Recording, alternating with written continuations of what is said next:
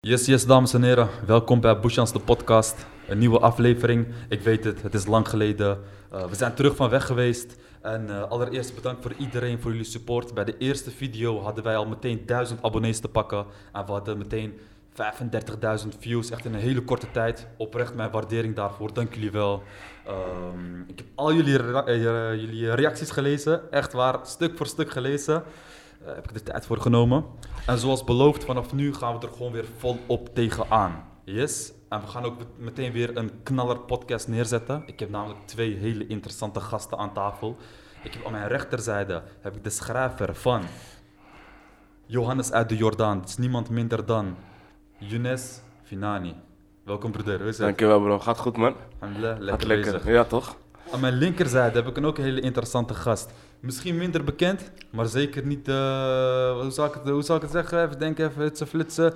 HBO, rechten, docent van de Hogeschool van Amsterdam. Iemand van onze eigen gemeenschap. Uh, Semir Belhaj. Hoe is het, broeder? Alhamdulillah, gaat goed. Mag niet klagen. Gaat met jou. Mooi, mooi. Alhamdulillah, gaat lekker, man, bro. Ik, uh, ik wil jullie allereerst hartstikke bedanken dat jullie hier zijn. Voordat ik ga beginnen, wil ik alle kijkers natuurlijk zeggen: abonneer eventjes voordat je gaat kijken. Jullie weten in ieder geval hoe die content is. Mensen vinden het interessant en we proberen hier altijd oprecht, rauw, eerlijk, puur te blijven. Oké, okay. boys, we gaan even beginnen met de snelle, snelle kennismaking. Ik ga jullie het een en ander vragen om even het ijs te breken. Younes. Ja. AMG-geluid of RS-geluid? RS-geluid, man. Semir. Trump of Biden? Biden, man. Biden. Ja. Younes, Badr Hari of Habib Nurmagomedov? 100% Badr Hari. Badr Hari. Ja, zeker. Semir. Ajax of Feyenoord? Ajax, man. Younes. Ja. Liever 1 miljoen en 4 jaar vastzitten? Ja. Of 4 jaar vrij met bijstandsuitkering? Uh... Jongen, kom op nou. Ik heb al zo lang vastgezeten, man. Nee, ik ga nog wel even de vier jaar zo in, man. Okay. Ja. Oké. Okay. Met de huidige info die je nu hebt, ja. wel vaccineren of niet vaccineren? Uh, wel. Wel, oké. Okay. En tot slot, Younes. Ja. Je hebt een boek geschreven. Wat zeg jij liever? Films kijken of boeken lezen? Ja, boeken lezen, man. Boeken lezen, ja, wel, zeker weten, zeker weten. Sterk. Oké, okay, um, waar wil ik mee beginnen? Deels actualiteit, deels inmiddels al een beetje structurele uh, bezigheid van ons geworden. En dat zijn de coronamaatregelen. Zoals jullie weten zijn de coronamaatregelen een beetje aangescherpt. Hè? Uh, openbare plekken moet je nu ook een maskertje dragen. Horeca is nog steeds dicht. Ik mis nog steeds mijn baklava. Maar goed, ik vraag het allereerst aan Semir. Ja. Hoe heeft uh, corona jou getroffen tot nu toe? Ja, zwaar man. Veel mensen uit mijn omgeving weten het niet, maar ik, uh, ik was ook besmet geraakt met het virus. Mm -hmm. En ik ben ook echt goed, goed ziek geweest. Dus ik, uh, voor corona sport ik vijf dagen in de week. Uh, ik was niet zo kast als Bushans, maar ik was wel onderweg. dus nee, ik sportte vijf dagen in de week. En ik voetbalde ook nog eens op de zaterdag, dus eigenlijk zes dagen in de week. Wow. En, en toen raakte ik besmet met corona, was ik even een week goed ziek en daarna kon ik niet meer ademen. Heb ik vier dagen in het ziekenhuis gelegen, dus wow. is een maand, twee maanden geleden. Dus ik ben net 26 geworden, dus toen was ik 25. Besef, uh, ik was in de gezondste periode van mijn leven. 25 en dan kom je in het ziekenhuis terecht door corona. Vier dagen echt goed ziek geweest. Uh, en nu dan nasleep. Dus nu uh, conditie van een bejaarde. Dus Oh, ik, kan, uh, ik liep van mijn scooter, heb ik aan de overkant gezet naar hier. En ik was even buiten adem. Wow. Dus van vijf, zes dagen in de week sporten naar dit. En we zijn nu al acht weken, dus ik ben nu al zeven weken eigenlijk niet meer besmet met het virus. Mm -hmm. Uh, maar het, herstel, uh, het herstellen ervan gaat echt heel langzaam. Ben je nog steeds bezig met herstel? Ja, ja ik durf niet eens te beginnen met, uh, met een COVID-coach. Dat is eigenlijk zo'n soort van fysio die dan gaat helpen met oefeningen en zo. Ik ben bang dat, dat ik daar nog niet klaar voor ben. Dus zo, zo langzaam gaat het. Maar je was in het ziekenhuis opgenomen. Was je ook echt aan de beademing zoals ja, wij ja. horen over... Ja, ja. Ik, ik, was, ik was aan de beademing gezet. Dus ik zat met, wat is het volgens mij, 3 liter zuurstof per dag. Dus dat is dan niet heel erg. Uh, maar ja, ik bedoel, je, je, ligt aan het ziekenhuis, dus erg is het wel. Um, maar ja, het was heftig, man. Het was echt het was een hele aparte periode. Eh, maar eigenlijk die nasleep is nog erger. Ik bedoel, alles wat je gewend was, kan je nu niet doen. Eh, eh, ik was mentaal eh, eh, was ik juist heel erg goed op dat moment, omdat ik zo vaak kon sporten. Maar ja, nu... eh, Eerlijk is eerlijk, als we zo naar je kijken. Je bent een hele fitte jongen, dus het kan eigenlijk iedereen treffen nog steeds. Nu wat minder fit, de coronakilo's hebben me te pakken. Eh, maar inderdaad, als het mij kan treffen, waarom niet anderen? Eh, ik viel eh, sowieso niet eh, binnen een risicogroep of iets dergelijks. Ik was gewoon hartstikke gezond en van het ene moment op het andere moment eh, verandert in principe je leven op dat moment. Wauw, heftig man. Ja. Yunus, heb je het ook zo ervaren? Eh, een beetje anders. Ja, beetje een anders. beetje anders. Niet Nee, drie liter, maar... eh, Nee. nee zeker. Nee. Eh, ja. Nou, de coronaperiode, voor de coronaperiode ging ik nog heel veel uit. Ik dronk heel veel. Ik was echt, echt een feestbeest. Ja, ik heb lang vastgezeten. Dus ja, ik probeerde altijd die, die tijd die ik, die tussen vier muren heb gezeten, zeg maar, in te halen. Ja, ik was elk weekend, soms wel drie, vier dagen in de week, was ik aan het uitgaan, aan het stappen. Ja, Daar dus, heb je conditie voor nodig. ja daar, heb, daar heb je ook condities. Ik dronk heel veel. Eh, dan heb ik het echt over anderhalf liter, twee liter gewoon sterke drank op een, op een, op een nacht. Ja, ik ging de hele nacht door, gewoon tot in de ochtend. Soms was ik zelfs tot in de avond nog de volgende dag bezig met het drinken. eh afterparties, noem maar op. Dus dat was, niet, het was geen goede periode eigenlijk.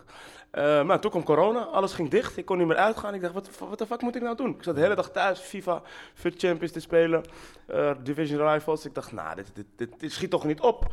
Ja, ik, ga ook niet, eh, ik had ook geen zin om een, om een, eh, een laag gekwalificeerd baantje te gaan doen. Want ik heb, ja, ik heb alleen maar een HAVO-diploma. Dat is eigenlijk geen startkwalificatie voor een goede baan. Dus ja, ik moet gewoon laag gekwalificeerd werk doen. En daar had ik totaal geen zin in. Dus eh, toen dacht ik, wat moet ik nou gaan doen? Wat is iets wat ik, wat ik kan doen, wat ik leuk vind, waar ik tegelijkertijd ook geld mee verdien? Ehm, nou, en toen, ging, toen kwam ik al snel uit van, ik, moet gewoon, ik heb zoveel dingen meegemaakt, ik moet gewoon een boek gaan schrijven. Ja, dus al die tijd dat eh, corona, je kon toch niks doen. Ik zat lekker thuis mijn boek te schrijven, soms 14 uur achter elkaar gewoon. Wow. Ja. Je hebt dus jouw boek geschreven Ja. in deze coronaperiode. Ja, ik heb het in drie maanden af, man. In drie maanden had ik 600 pagina's. Dus ik heb nog moeten schrappen, ik heb dingen er- eruit moeten halen. Eh, ja, ik heb deel 2 ligt, als het goed ligt, deel 2 gewoon klaar. Dus, Deel 2 ligt klaar ja, van Johannes uit de Jordaan. Ja, dan wordt het waarschijnlijk Younes uit de Jordaan. Ik weet nog niet zeker. Maar deel 2 ligt gewoon klaar. Ik moest gewoon schrappen. Ik moest hoofdstukken eruit halen. Het was gewoon te veel. Je kan niet... Een boek, eh, dat was eh, iets van 180k, 170k woorden, man. Dus ja, dat, dat is gewoon veel te veel. Maar leg me even uit. Ik heb, ik heb het boek gelezen. Ik, Ja. ik zei het je al eerder voor de podcast. Ik heb het boek in een avond en een nacht uitgelezen, Ja. want ik vond het zo interessant. Het speelt zich af, de hoofdstukken zijn opgedeeld Ja. in jaartallen. Ja, Ik zag vervolgens dat die, het boek was uitgelezen bij 2013. ja, Het tweede boek, als ik zo even nadenk, Ja. mag ik ervan uitgaan dat het boek een verlenging is van 2013 tot aan heden? ja, tot dan heden, ja. ja. Dus ik weet ook nog niet wanneer ik het eh, ga uitbrengen. Ik moet sowieso nog, ga ik het he- echt heel goed, daar ga ik echt de tijd voor nemen. Ik heb deze misschien een beetje eh, afgeraffeld. Het is uiteindelijk toch nog goed, eh, goed gekomen. Het is echt Ik denk niet dat je dit hebt afgerond. Nee. Je ziet, ik heb aantekeningen gemaakt. Ja, ja.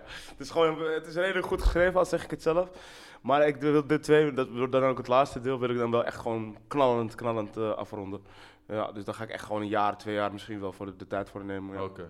Ja, omdat echt elke, elke zin, gewoon elke, dat alles gewoon perfect is, zeg maar. Eigenlijk heeft de coronaperiode jou dus best wel positief getroffen. Zeker, zeker. Ja, en mijn- mijn moeder en mijn, en mijn broertje waren, waren besmet met corona. Ik was met mijn moeder in de auto. We gingen samen. Ze, ze wist nog niet dat ze besmet was, maar ze, was, ze had al corona. Ik heb haar een kus gegeven nog op de bank. Ik heb, eh, we hebben samen een broodje gegeten. Ze kreeg haar broodje garnalen, kreeg ze niet op. Ik heb het broodje opgegeten. Maar ja, ik, eh, ik weet niet, maar mijn genen zijn gewoon sterk, man. Dus Sterk, ik, ben, eh, ik ben niet ziek geworden. Dat is gewoon degene uit de Jordaan. Ja. Gewoon, ik denk, eh Sahrawi genen, man. Ja. Sterk. Ja. Oké, een ander iets, eigenlijk een zijtak van de hele corona gebeuren. Laat ik eerlijk zijn, eh, tijdens de coronaperiode hebben wij gevast, de maand van Ramadan. Eerste keer in mijn leven dat ik het heel anders had ervaren. Alles is dicht. Er zijn geen islamitische bijeenkomsten. Ja. Moskeeën konden niet bijgewoond worden of in hele kleine aantallen. Ik merkte dat gedurende deze coronaperiode mijn imaan, voor wat het was, dat het relatief is verslechterd. Hoe ervaren jullie dat? Kijk ze maar even aan. Ja, hetzelfde man. Eh, je, je haalt toch bepaalde kracht en energie uit eh, het samenkomen bij, eh bij het Tawih-gebed, dus in de Ramadan. Maar ook buiten de Ramadan, eh vrijdagmiddaggebed. Ik bedoel, als ik vrijdagmiddaggebed heb, dan heb ik genoeg energie voor de rest van de week. En daarmee bedoel ik spiritueel energie. Maar op een gegeven moment sloten de moskeeën bij ons in de buurt. En er waren nog wel een paar moskeeën open. Maar toen dacht ik ook wel van, ja, ik bedoel, hoe, eh stel dat ik daar naartoe ga en ik raak besmet met, met, met, met het virus. Ik maakte toen niet eens zorgen over mezelf. Want ja, toen wist ik nog niet dat ik zo ziek zou kunnen worden. Dus ik dacht van ja, ik neem hem mee naar huis. Ouders in een risicogroep. Ik kan het niet maken. Dus we gingen gewoon elke, elke vrijdag gingen we gewoon eh, thuis. eh, dus mijn broertje, mijn vader, eh, mijn moeder en ik. Gingen we samen dus v- vrijdagmiddaggebed doen. Om het nog ergens in stand te houden. Precies, om nog ergens het gevoel te krijgen van oké, het, is, het is een gebed dat je eigenlijk met, met je gemeenschap moet doen. Maar het is toch niet hetzelfde. Nee, zeker ja, niet dus het heeft, wel een, eh, het heeft wel effect gehad op mijn e-mail, maar niet alleen eh, dat hoor. Maar door eh, corona gebeuren krijg je het ook. Ja, je werk gaat ook anders uitzien, je studie gaat ook anders uitzien. Daardoor ben je misschien. is de grens tussen privé en, en werk en studie, dat vervaagt een beetje. Waardoor je eigenlijk de hele dag bezig bent met, met, met, met wereldse dingen. En ik merk ook dat ik gewoon veel minder ging doen aan, aan, aan mijn geloof. Oké. Dus ja, dat, qua iman heeft het ook een negatief effect gehad, ja. Zo heb ik het ook ervaren. Younes, jij gaf aan dat je voorafgaand aan de coronaperiode vooral aan het uitgaan was. Ja. Zou ik, eigenlijk zou ik dan kunnen zeggen, misschien dat je dan tot één keer bent gekomen doordat dat van jou werd ontnomen. Heb je dat zo Ja. ervaren? Ja, ik ben echt blij met de coronaperiode, man. Het heeft echt een hele positieve eh, invloed op mij gehad. Ja, sorry, misschien het is wel fijn om te zeggen, maar heel Nee, veel mensen, er gaan mensen dood aan. Ja. Maar ik vind corona echt top, man. ja. Ben- maar ben je meer tot één keer gekomen of was het echt puur, ik ga werken aan het boek? En, of, Ja, ik ben nog niet. eh, kijk, wat ik, ik bid nog steeds niet. Ik wil heel graag weer beginnen. Maar eh, ik heb ook gemerkt heel vaak dat ik eh, periodes in mijn leven dat ik weer ging bidden. En als ik niet helemaal eh, strak erachter stond, ik was nog niet helemaal klaar mentaal ervoor. Dus wat je zegt, die spirituele energie. Vaak afgeleid tijdens het gebed aan, aan wereldse dingen denken we juist. Ehm, dus ja, dat, ik vind echt dat als ik, als ik ga beginnen, dat ik, wil ik gewoon wil ik, wil ik niet stoppen. Dan wil ik echt doorgaan. En eh, ja, dat punt is nog niet, nog niet gekomen, man. Eigenlijk, eh, hoeveel jaar had je vastgezeten in totaal? We hadden er laatst over Zeven, gesproken. zeven jaar, ja. Zeven jaar. ja. Voelt het ook een beetje als vastzitten? Want je bent vrij, je hebt je vrijheden, maar je kunt niet de dingen doen die je wilde doen. Ja, klopt. Ja. Had je in de tijden dat je in de cel zat, Mhm. wel dat je tot één keer kon komen? Ja, ja, zeker. Ik heb eh, eh, van die zeven jaar dat ik heb vastgezeten, heb ik hem zeker was vijf, zes jaar heb ik gewoon gebeden. Heb ik gewoon eh, aan mezelf gewerkt. Ik heb talen geleerd. Ik heb Italiaans geleerd, Frans geleerd, Spaans geleerd. Ja, ik kon al Frans, maar nog, nog Frans weer opgepakt. Dus- Italiaans, Frans, En Spaans. Spaans, Nederlands, Ja. Engels? Engels, Arabisch? Marok- Marokkaans, Arabisch, ja, redelijk. Eh, en Arabisch gewoon het, een beetje, weet je. Ik kan het wel schrijven, ik kan het lezen, maar niet echt heel goed of zo, ja. Ja. We hebben een wonderkind aan tafel. man. Sterk man, ik, Talenknobbel. ik doe het je niet na man. nee, precies. ja. Oké.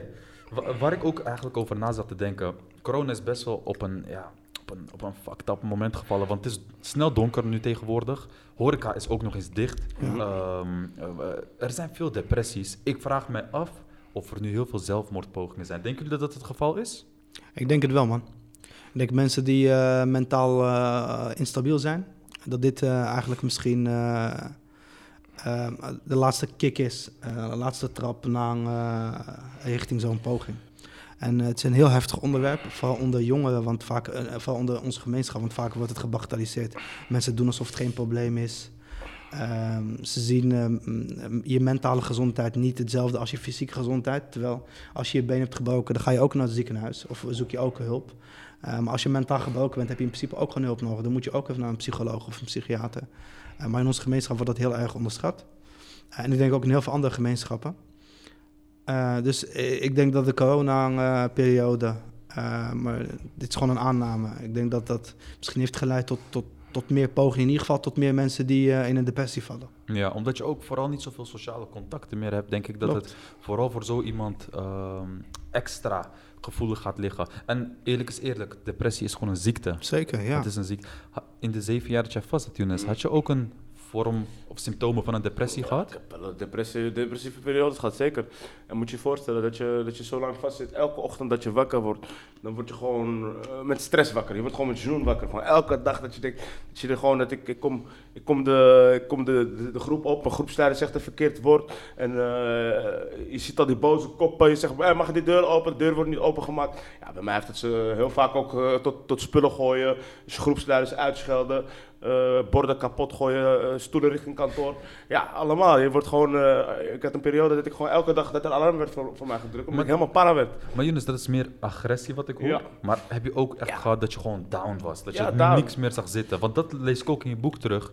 Dat je op een gegeven moment niks meer zag zitten. Is het naar aanleiding van je vrijheden die zijn ontnomen? Ja, ik denk het wel zeker. Zeker weet ik heb buiten nog nooit, eh, nog nooit zo'n eh, ja, nog nooit zo slecht gevoeld. Ik voel me wel eens slecht, maar dan heeft dat altijd te maken met, eh, met alcohol. Als ik me de volgende dag als ik helemaal kapot heb gezopen en ik voel me gewoon depressief, dan- dat, dat is het enige. Maar eh, gewoon normaal gesproken niet. Nee. Ik ben best wel, mentaal ben ik heel sterk. Dus ja, ik, eh, Moet ook wel. Als je Ja. zo lang blijft vastzitten, zeven jaar is niet ja, ja, weinig. Zeker, Ja, man. zeker. Me- Merkt hij niet bekneld vier dagen in het ziekenhuis zitten? Ja en nee, ik kan dingen heel, heel snel relativeren. En eh, ik bedoel, eh, ik heb heel veel zwakte, maar dit is wel een van mijn sterktes, dat ik dingen heel snel kan relativeren. Mhm. Ik zat daar en ik zat daar met het gevoel van, ehm alhamdulillah ben ik ziek en niet mijn ouders. Dat was voor mij echt het enige waar ik aan kon denken op dat moment. Want mijn ouders zitten beide in de risicogroep en helaas heb ik ze besmet met het coronavirus. Oh, Eh, ja, ja, ja, mijn ouders waren ook besmet. Maar echt wonder wonder is dat ze geen symptomen hadden. Eh, vader moet, al- moest af en toe hoesten. Mijn vader zegt altijd heel leuk van, ja, ik hoest al 30 jaar. Dus, eh. Eh, maar ze hadden dus ook het virus, ze waren ook besmet met het virus. Door mij waarschijnlijk, want zij gingen nergens naartoe. Het enige waar ik aan kon denken was, was als, als zij maar geen symptomen hebben, als zij maar niet ziek worden. dus als mijn moeder me belde om te vragen hoe het met me ging terwijl ik in het ziekenhuis lag, voordat ze überhaupt de eerste vraag kon stellen, vroeg ik haar van, en, hoe gaat het met jou? hmm. Hetzelfde met mijn pa. Dus ehm, ja, eh, ik, ik zat daar eigenlijk niet eens. eh, ik was daar niet bezig met mijn eigen gezondheid. En inderdaad, eh, achteraf dacht ik ook wel van ja, ik heb gewoon vier dagen van mijn leven gemist. Ik heb vier dagen eigenlijk alleen maar genetflix daar. Ehm, eh, maar aan de andere kant dacht ik, eh alhamdulillah, toen ik mijn ouders zag die me kwamen ophalen, dacht ik ook wel van, als zij maar gezond zijn. Precies. Je weet waarvoor je het uiteindelijk doet. Exact. om je gezin ook te beschermen. Ja, ik, ik kom er wel weer bovenop, inshallah. Maar als iemand van 70 met een hartaandoening en een Ja. Eh, ziek wordt, dan eh, kan die niet hetzelfde zeggen. Ja. Precies, mee eens. Ik ervaar precies hetzelfde. Ik denk ondertussen ook dat heel veel scheidingsadvocaten overuren draaien op Ja, dit ja. moment. Er zijn zoveel scheidingen. Ik Ja. denk nu dat Ja. jonge stellen die nu samen Komt elkaar tegen, ja, de- tijdens de corona. Constant. Je Ja. ziet, en vooral die juppies, toch? Op Die lip, samenwerken.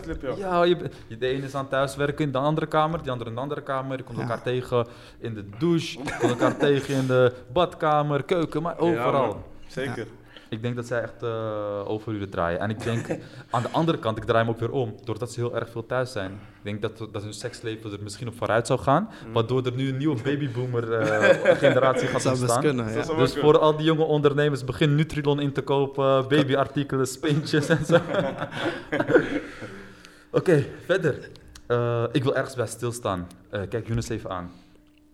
Ik, eh, ik, eh, Simmer is bijvoorbeeld, eh, ehm, ik denk dat een hoop mensen jou niet kennen. Eh, maar Younes, ik denk dat een hoop mensen jou wel kennen. Mhm. Alleen het gekke is, ik denk dat zij niet eens zelf weten dat ze jou kennen. Oh ja. Wat bedoel ik daarmee? Snap je eigenlijk welke richting ik op ga? Ja, ja, zeker. Welke richting ga ik op? Ik denk van de kinderrechter, man. De kinderrechterdocumentaire. Ja, ja, de documentaire, ja. Ik was nog jong, ja. Ik was 16, 17. Ja, ik heb daaraan meegewerkt. Hoe oud ben je nu? Ik ben nu 27. Dus dat is een 11 jaar geleden. Ja, zoiets. 10 jaar, 11 jaar zeker. Heb, heb, jij die, heb je die documentaire gezien? Ja, ja. Ik, toen je, want je had me een berichtje gestuurd tegen mij. Zei me, eh, de andere gast is Yunus Finani, ken je hem? En ik zei toen direct geen van, oh no man, ik ken hem niet. En ze zei van, ja, kom bij de kinderrechter. Eh, Dat komt me bekend voor. Dus ik had toen gegoogeld en dan Ja. zie je bepaalde scènes. Een soort van, tra- dacht ik van, de- deze docu ken ik. Ja, ja, precies. Dus eh, eigenlijk kende ik je, zonder dat ik het wist. Ja, precies. Ik heb het precies zo ervaren. Ja. Ik vroeg wat jongens eh, van uh, Jonas Finani komt aan tafel. Zeiden, wie is dat? En toen zei ik van, dat is die documentaire van de kinderrechter. Zeiden ze, oh ja, dit, dat, zo, zo. Besef je hoeveel mensen er zijn die zich nu afvragen hoe het eigenlijk met jou gaat? Ja, het zou, zou zomaar kunnen, ja.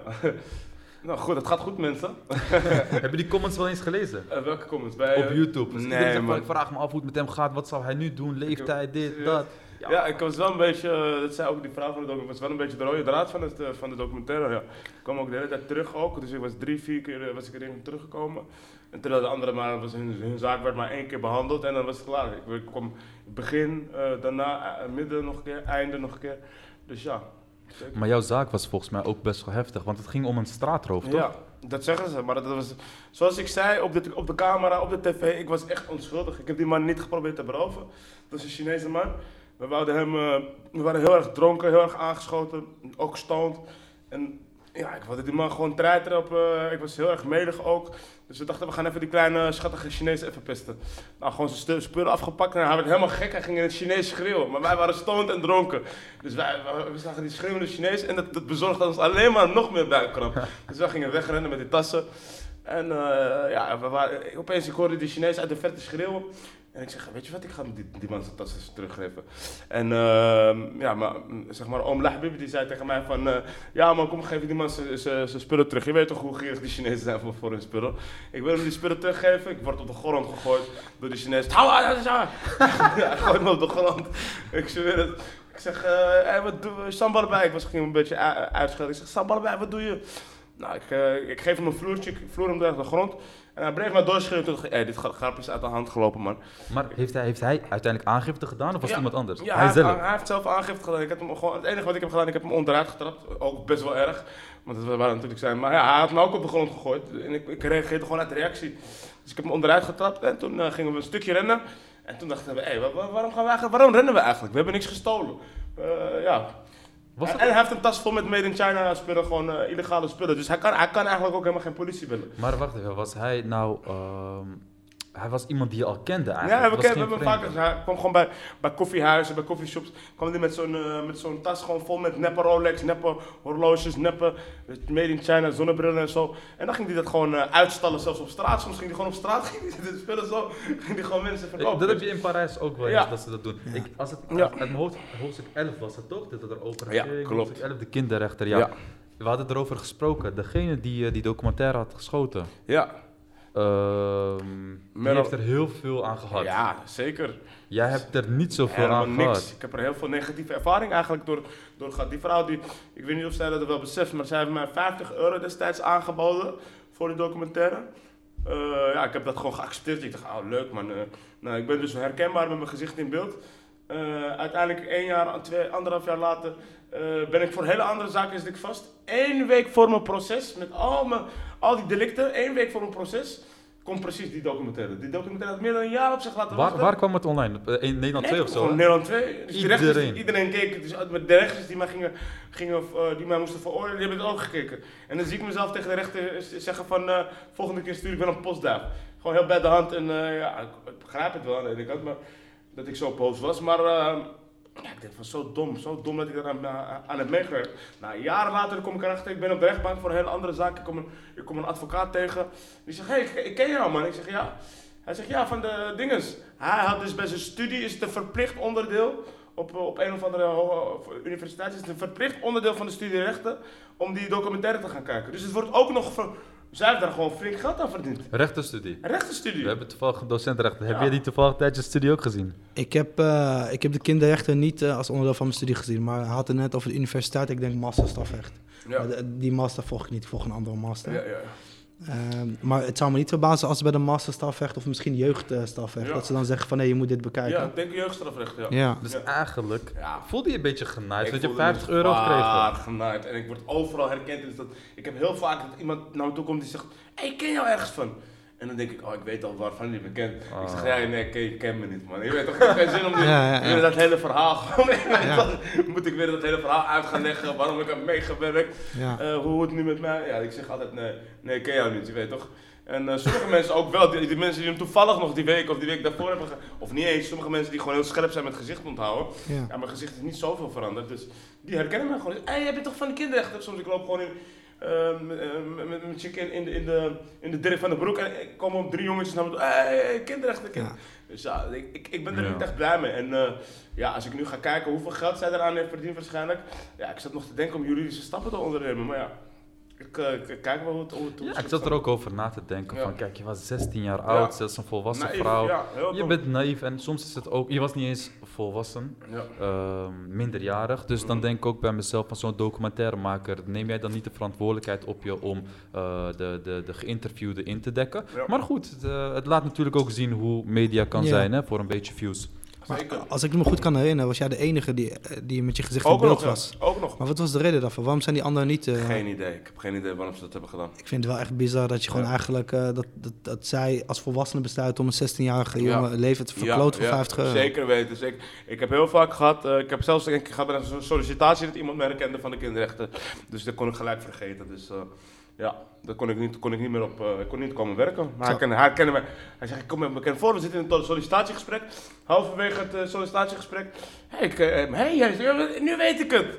Ja, nou, nou nog wel een goed gesprek gehad. Eh, hij schudde me de hand en toen dacht ik, die gaan me nooit meer terugbellen. Nee. Ja, Dat is ook niet meer ik gebeurd. ben nooit, nooit meer teruggebeld. Nee. Dus ja. man. Maar goed, in het boek geef je meer dan aan dan alleen eh, straatroof. Ja. Want eigenlijk had ik hier ook al staan van, had je die echt gepleegd? Ik heb het uiteindelijk gelezen, eh justitiële dwaling zou ik wel kunnen zeggen. ja, man. Je had uiteindelijk ook een gevangenisontsnapping. ehm, je, je bent ontsnapt. Ja. Eh, heftige ontsnapping wordt ook in het boek uitgelegd. Ja. Heb je ervan meegekregen over jullie beiden? In Sassenheim was er afgelopen week een ontsnapping vanuit eh, de jeugdinrichting. Heb je het meegekregen? Ja. Eigenlijk, dit zijn betrouwbare bronnen. Er werd gezegd eh, in, op het nieuws dat, het, eh, dat er vandalisme was. Mensen gingen met dingen smijten, er was wat, wat oproer. Interne bronnen die ik zelf ken, die hebben zelf aangegeven van nee joh, dit waren gewoon twee partijen. Die hebben allebei samen zitten scholen van hé hey, luister dan, we gaan allebei ontsnappen op een of andere manier. En ze hebben dat gewoon gepoogd. Ja, ja. En het gelukt? Het is, eh, ze zijn wel ver gekomen, Ja. als ik het goed heb. We zijn ze wel ver gekomen binnen, eh, volgens mij waren ze net nog niet de deur uit. Mhm. Maar ze hebben meteen zo'n, je hebt een soort van ME-achtig iets ja, daar toch? IBT. Ja. IBT? Ja, internet bij, bijstandteam. Ja. Dat zijn die mannen die, als, als zij komen dan... Schilden, schilden, stokken, dan ga je maar beter liggen, anders dan eh, rammen ze die helemaal kapot. Ja. Zij zijn erbij gehaald, Ja. uiteindelijk zijn ze allemaal, eh, is de hele band opgerold. Nu, toen ik het zag, dacht ik, eh, misschien hebben ze mijn boek niet op tijd ontvangen. Denk je dat jouw boek in de gevangenis gelezen gaat worden? ja, het wordt een, eh, dat wordt een, de, de bestseller van de gevangenis, dat weet ik 100% zeker. Ja. Ja. Alles staat erin. eh, alle jongens die in de gevangenis zitten, die het leven hebben meegemaakt, die herkennen zich daarin. Eh, ja, het is ook het eerste boek met straattaal, met, ehm, met een woordenlijst erbij. Ook vanuit, vanuit mezelf, weet je. Kijk, we hadden, we hadden Eus, zeg maar van Oscar Akio, die Turkse man. Maar die komt niet uit Amsterdam, die komt uit Deventer. Die praat, ik weet niet. Ja, het boek is, eh, ik denk dat dit een heel ander soort boek, is. Dat het een beetje modern is en toch wel wat meer aansluit bij de jeugd van tegenwoordig. Ja. Ik denk dat het qua manier van schrijven heel erg aansluit bij iemand die houdt van lezen. Ja. Want eerlijk is eerlijk, je hebt daar bepaalde zinnen in. Toen ik jou sprak, zei ik van, heb je dit zelf geschreven? Ja. Want het is echt een vocabulaire waar je u tegen Ja, zegt. thanks bro.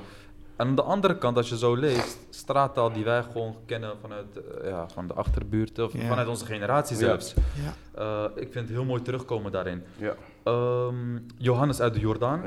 Het is massaal verkocht. Eh, reviews op webshops heb ik gelezen. Ja. Echt 5 ster, 4 ster. Van de 5 dan, hè? 4 Ja. ster, 5 ster, 4 ster, 5 ster. Het gaat over de top 600. Wat is het top? Kijk, weet jij wat de top 600 is? Want het is niet de top 40 beste artiesten of zo. Het is een hele andere top, hè? Ik, heb, ehm, eh, ik, heb, ik heb wel wat over gehoord. En mijn zus geeft toevallig les op een school waar, waar heel veel top 600... eh, eh, waar heel veel leerlingen op zitten die in de top 600 lijst voorkomen. Eh, dus eh, door, door, door haar weet ik er wel wat over. Maar eh, ik denk als zij me nooit wat over had verteld... ehm, dat ik er misschien al te veel over zou weten. Ik, ben, ik, weet je, ik, ik probeer ook niet al te veel van die... ehm, ehm, van die, van die nieuwsitems over zulke dingen te lezen. Want ja, voor je het weet staan er weer 30 Marokkaanse namen. En eh, daar ben ik een beetje allergisch voor geworden. Dus eh, dat vermijd ik een beetje als het gaat over criminaliteit. Ook al die mokken-maffia dingen krijg ik niet mee. Ik heb ook die serie op Videoland niet gezien. Ik heb daar gewoon geen zin in. We, zitten al, we zijn al negatief genoeg eh, in het nieuws gekomen. Eh, dus eh, ik probeerde dat een beetje te vermijden. Maar ja, eigenlijk ontkom je er niet aan als je zus op zo'n school les geeft. Ja. Ja. Dus eh, eigenlijk dingen die, eh, verhalen die Younes in zijn boek schrijft, eh, die hoor ik dagelijks thuis van eh, mijn zus, die anonimiseert het natuurlijk. Maar eh, die komt ook wel eens met, eh, hey, eh, vrienden van een van mijn leerlingen hebben dit en dat eh, meegemaakt. En eh, dan hoor je dat, lijkt bijna een actiefilm. En denk ik van, ja, het zijn echte mensen. En dan ga je, weer, ga je eigenlijk weer balen dat gewoon een jongen van jouw leeftijd, misschien net iets jonger, zo, zulke dingen moet meemaken. Ja. Dus Maar- ik- Ja. Wat is dan die, die, die, die top 600 eigenlijk? Eh, hoe, hoe zou je dat het beste kunnen omschrijven? Kijken jullie allebei aan? Wie zou er een mooie definitie ik denk dat je eerder aan Younes kan vragen. Ik weet niet, het zijn gewoon jongens van de straat, jongens die, eh, die veel, veel delicten plegen, heftige delicten ook. Dus je moet veel delicten gepleegd Ja, hebben. je moet wel eh, veel delicten gepleegd hebben en heftige delicten. Dus high impact crime. Ja, high impact crime, een eh, over, gewapende overval eh, inbraak, snelkraak. ja, je komt niet, voor brommen stelen kom je er niet op, laat me het zo zeggen. Oké. Ja. En als je eenmaal op die lijst zit, wat gebeurt er dan? Ja, dan word je gewoon heel goed in de gaten gehouden. Eh, veel jongens worden, worden ja, vaak worden getapt, zeg maar. De telefoon wordt afgetapt. We worden, zonder dat we het weten, worden we gevolgd door de politie. Als ze bijvoorbeeld ons in de stad zien lopen, gaan het gewoon, gewoon een, eh, twee agenten op ons die in burger gewoon achter ons aanlopen. En elke beweging van ons volgen kijken. Als ze bijvoorbeeld, stel je voor, we, stelen iets, dan, worden we gelijk gearresteerd, zeg maar. Omdat ze dan een, eh, op, een soort van observatieteam op ons hebben.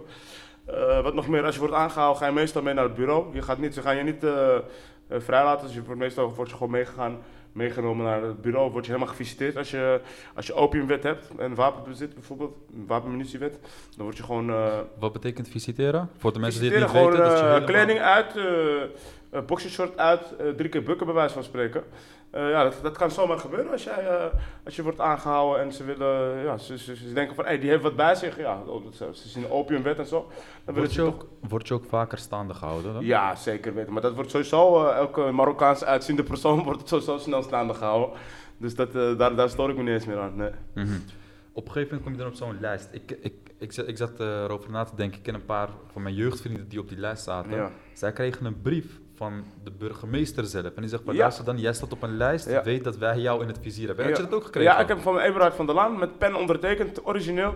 Eh, gewoon echt een gekleurde brief met eh blauw, blauwe pen. Gewoon had hij eh, bu- burgemeester Eberhard van der Laan, zijn handtekening. Dat was in 2011 was dat, ja. Heftig. Ja, maar en ja, ze komen ook bij een gezin thuis, dus het stopt niet alleen bij jou zeg maar, in de gaten houden. Want ik heb, ik, heb die mensen nog nooit gezien eigenlijk. Maar eh, ze werken achter de schermen ook met je gezin. Nou, eh, elke, elke week bij gezin afspraak. Eh, mijn broertjes worden in de gaten gehouden. Eh, mijn broertjes waren gewoon, deden gewoon heel goed op school. Hij komt één keertje te laat. Top 600 ha- hangt alweer aan de lijn bij mijn moeder. Dus ja, heel dramatisch Wow, hoe top- eigenlijk. Top 600 die, die zich hoort focussen op jou, Ja. focussen zich ook op jouw hele Vooral gezin. op je gezin juist, op je hele gezin. Ze komen daar over de vloer, ze gaan daar, ehm, ja, van alles, ze zeggen van alles. Ja, ze stressen je ouders, ze maken je ouders gek. Ze proberen een voet tussen de deur te krijgen. Als ze eenmaal een voet tussen de deur hebben, dan gaan ze het, eh, ja, een beetje, hoe ik het zeg, voor misbruik maken van het vertrouwen. Dat is wat ze doen. Oké. Eh, Maar alles wat ik hier in dit boek teruglees, hè, dan blijf ik eigenlijk toch wel met één vraag. Hoe was jouw thuissituatie om mee te beginnen? hm? Hoe, hoe vond je Ja. hem eerst? Ja, gewoon goed. Ik- Mijn thuissituatie was wel redelijk. Wel, eh, ja, dus ik had wel een strenge stiefvader. Hij had wel af en toe losse handjes, maar eh, ja, kom, ik, ben dat, ik ben dat wel gewend. En mijn moeder was ook wel heel zorgzaam. Ook arts, mijn moeder was arts. Dus ja, ik had, ik, eh, mijn moeder is Nederlands. Mijn familie komt uit het gooi van mijn moeders kant. Het zijn allemaal hele rijke mensen. Dus je moeders kant is Nederlands, Ja, Nederlands. Ja, je vaders kant is Marokkaans. ja Marokkaans. Ja. En als ik het goed heb, uit het boek, ik heb het gelezen, Ja. stiefvader is Ghanese. Ghanese, ja. ja. Dus zeker. je bent ook gewoon in Accra geweest. Ja, ik ben in je Accra hebt geweest. foefoe gegeten. Voetbal gegeten, zeker. Ja. Zeker. Ja, heel prachtig. Ik vond het echt eh, fantastisch om in Ghana te... Dus, dus ik, toen ik nog jong was, ging ik in plaats van Marokko ging ik naar, Ghana op vakantie. Dus dat was gewoon lachen. Dat was echt... eh, ja, sommige mensen hadden daar nog nooit een witte persoon gezien. Die gewoon, gingen ze aan me zitten, gewoon aanraken om te kijken of ik Nee, hetzelfde joh. voel. Ja, ja, gewoon heel grappig was dat. Zou je wel eens in Ghana willen gaan? Eh, zeker, ja man. echt op mijn lijst. Ja, ja, ja, het nee, is- echt. Het is mooi, het is een Ik, prachtig land. De mensen zijn heel vriendelijk. Het is spotgoedkoop. Je kan daar denk ik nog steeds voor 1 euro, 2 euro heb je een volle maaltijd met drinken erbij, alles erop en eraan. Nou ja, eh, voor reizen, vervoer kost helemaal niks. Echt alles is goedkoop. Eh, ja, het is, wel, het is zeker een aanrader. Ik, ik weet ook niet zeker of het zo is, maar ik kende wat. Ik ben opgegroeid met Ghanese vrienden, ja. onder andere. Je hebt ook heel veel prinsen daar, oh. Heb je er ooit van gehoord? Nee, maar... Als naam bedoel je? Dat Of gewoon, ik of gewoon echt letterlijk? Een vriend van mij, die Ja. van vroeger, Ja. ik, heb nog, ik heb nog jeugdfoto's. Ja, ja.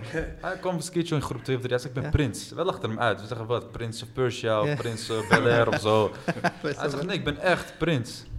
ik begreep het niet. Eindstand ging naar zijn moeder toe. Ja? eh hij zegt van, is uw zoon echt een prins? Op die manier. Eindstand, ze trekt een foto van hun opa. Bro, als ik jou zeg, ik heb nog nooit zoveel goud op een persoon Ja. gezien. Goud op goud op goud op Ja, goud. dat zijn de Ashanti-koningen toch? Ja, Dat zou misschien kunnen zijn. Ja. Ik weet, dat soort koningen, misschien heb je weer prinsen en dat ja, soort ja, dingen. ja, dat komt, eh, die zijn er wel. ja. Heb je heel vaak in Ze zaten Afrika. vroeger op van, Ja. die, van die heilige gouden massieve zetels. Zat. Ja. Je had ook, eh, ik weet niet of je het hebt gezien, eh gisteren of eergisteren kwam op het nieuws een of andere gast die werkt bij een, eh, bij een, volgens mij een dierentuin ergens in het zuiden van het land. Ehm, en die is troonopvolger van, eh, van een of andere koning in Benin. Brunei. Of- nee, nee, Benin. Nee, Benin. Benin, Benin. Benin, ja. Benin. Benin is in Afrika, want Ja, Brunei is in. Azië. Ja. Ehm, en eh, ja, blijkbaar heb je daar heel veel van die stammen, van die gebieden. En dan, die hebben dan allemaal eigenlijk... eh, want de Benin is een republiek en dan heb je allemaal van die koninkrijken erin. Dus je kan koning zijn van een bepaald Ja. gebied. Dus stel je voor, als je het vertaalt naar Nederland... kan je bijvoorbeeld koning zijn van Groningen... maar je bent niet de baas in Nederland. Maar hij was hier in Nederland. Hij, Als hier in Nederlands familie belt, misschien moet terugkomen... Je, je opa of je vader of je oom, ik weet even niet meer wie... is overleden, jij bent de toonopvolger. Ja. Maar hij wilde eigenlijk niet. Hij zei, Ik heb wil het ook zoiets gewoon gehoord, man. Ja. Eh, Van een jongen uit Cameroen, waarmee ik op voetbal zat. Die bleek eh, stamhoofd, eh, omdat zijn opa daar, of weet ik veel, was overleden. Geweldig. Bleek stamhoofd te zijn van een stam in Cameroen. Ja, man, tof. ja. Maar helemaal terug naar jou toe. Je hebt dus eigenlijk best wel een goede gezinssituatie gehad. Ja, ja, zeker. Ik lees in het boek dat jij gewoon de eerste persoon in Nederland bent die vanuit de gevangenis cum laude HAVO is Ja, afgestudeerd. ja, ja, ik zag jouw cijferlijst. Hij overtreft ons met zijn cijferlijst. 8, 9, 9, 9, 8, 8, 8. Misschien Ja. een enkele 7 nog? Ja, maatschappij en 7 jaar. En voor de rest 8, 9. Ja, ja, ja. Als je niet slim bent, kan je niet zo'n boek schrijven. Ja, dus eh Precies, verbaast me maar- niet. Ja, man. Maar dan vraag ik mezelf af, je hebt, je hebt VWO 1 gehad, VWO 2, VWO 3, daarna ben je gaan Ja, afstromen. niks meer gedaan, niks meer. maar je bent, intellect heb je, slimheid heb je. Hoe kan het dan dat je alsnog was afgegleden, broer? Ja, zeker. Ja, dat komt toch wel een beetje om, eh, om eh, wel mijn financiële situatie. En persoonlijk, ik was misschien wel heel inte- intellectueel, maar niet eh, wijs was ik nog niet. Ik was nog wel jong en naïef en ook heel erg gewild. Ik was gewoon, ik had echt, laat maar zeggen, ik had ballen, ik had scheid, ik had, ja, ik had gewoon, ik had geen lange termijn visie. Ik dacht alleen maar aan, nu, vandaag, morgen en that's it. Ja.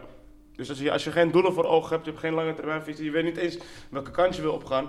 En je hebt ook genoeg gewoon uh, de scheid gewoon van, hey, ik, uh, ik, het gaat me nu, nu moet mijn zak gevuld zijn en anders, dan maakt het niet uit, scheid. Dan, Maar uh, hoe, hoe kan je zo'n scheid hebben als je een vader hebt die, uh, je hebt een vader ja, en je hebt dus die vader die, je geeft het boek aan, hij draait jouw oor zo heftig dat jij met het, met, met het draai van zijn oor Ja. ging hij meedraaien. Ja, maar ik was elke dag buiten op straat, dus ja, ik kwam, ik kwam helemaal niet meer thuis, weet je.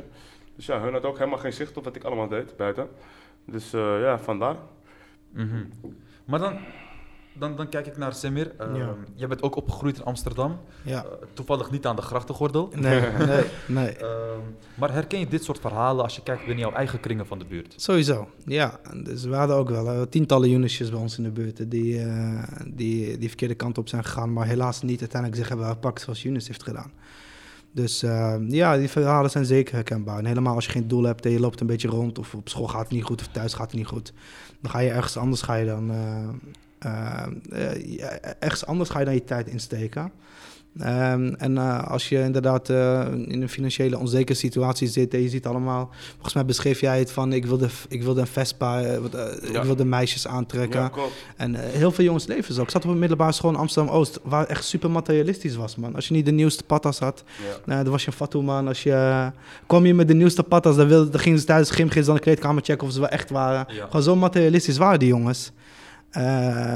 Ehm, dus uh, ja, het, het, verbaast me niet dat heel veel jongens bij ons in de buurt en uh, bij ons uh, van de middelbare school de verkeerde kant op zijn gegaan. Dus ja. Maar dan draai ik hem om. Hoe kan het dat jullie allebei uit de achter, achterwijken van Amsterdam komen? Ja. Uh, goede thuissituatie gehad? Ja. ja. Ook goede thuissituatie ja, gehad? Goede thuissituatie. Hoe kan het dat bijvoorbeeld een Younes wel eens afgegleden en zich heeft herpakt, maar Ja. een Semmer zich niet heeft afgegleden? Um, ik had sowieso altijd wel, uh, wel, wel bepaalde doelen voor me, dat is één. Uh, maar ik denk dat het grootste is dat, uh, grootste um, reden waarom het, alhamdulillah, niet verkeerd is gegaan. Het zijn eigenlijk twee redenen. Ik was altijd heel erg bang om mijn ouders teleur te stellen. Maar echt gewoon niet dat ze boos zouden worden. Ik dacht van, ik, ik was echt teleurgesteld om, ik was echt bang om mijn ouders teleur te stellen. Uh, maar de grootste reden is misschien wel, ik heb twee oudere broers. En als Sammy ook maar een verkeerd woord zei bij het voetballen tegen de verkeerde persoon. Dan kwam het nieuws bij mijn broers uh, en dan kwam ik thuis de avond van, ah, oké, dus je gaat opeens nu uh, zulke woorden gebruiken op straat. En ik van, nee, wie heeft me gesnitcht? dus ik, ik weet sowieso, als ik uh, de verkeerde kant op zou zijn gegaan, überhaupt voordat ik een poging zou doen om iets verkeerds te doen, dat mijn broer me al bij de kraag zou, zou pakken. Dus wat dat betreft, vroeger vond ik het wel een beetje, ik vond wel, ja, het, al die jongens zitten nog buiten voetballen. Ja, wordt gebeld van zijn men nu naar huis. Op dat moment vond ik het niet fijn. Maar ja, aan de andere kant, juist toen ik naar huis ging, gingen die jongens uit verveling weer verkeerde dingen doen. Die jongens met wie ik dan voetbalde of die jongens uit de buurt. Dus ik denk dat die, uh, dat die striktheid vanuit mijn broers eh, opvoeding was een beetje gedelegeerd en aan mijn broers, dat, eh, dat dat me wel heel goed heeft gedaan. Maar ja, ik denk dat dat ook zo moet. Ik kom uit een gezin van acht. Ik bedoel, mijn vader kan niet iedereen in de gaten houden. en mijn moeder. En helemaal niet wat ze op straat doen eh, in de buurt. Dus eh, wat dat betreft hebben, hebben mijn broers wel echt... eh, eh, ik heb veel aan hen te danken. En natuurlijk aan mijn ouders. En zou, zou ehm, godsvrees, religieuze overtuiging iets kunnen doen? Zeker, vanuit huis, hebben we- vanuit huis hebben we sowieso altijd taqwa gekregen. Ik moet bekennen dat ik pas op mijn achttiende... ik ben altijd wel een praktiserend geweest, dus het gebed zat er altijd wel in. Maar pas op mijn achttiende werd ik wel echt serieus dat ik ook bepaalde dingen niet meer durfde. Ondanks dat niemand achter zou komen als ik dat zou doen. Ehm, eh, maar Allah wel.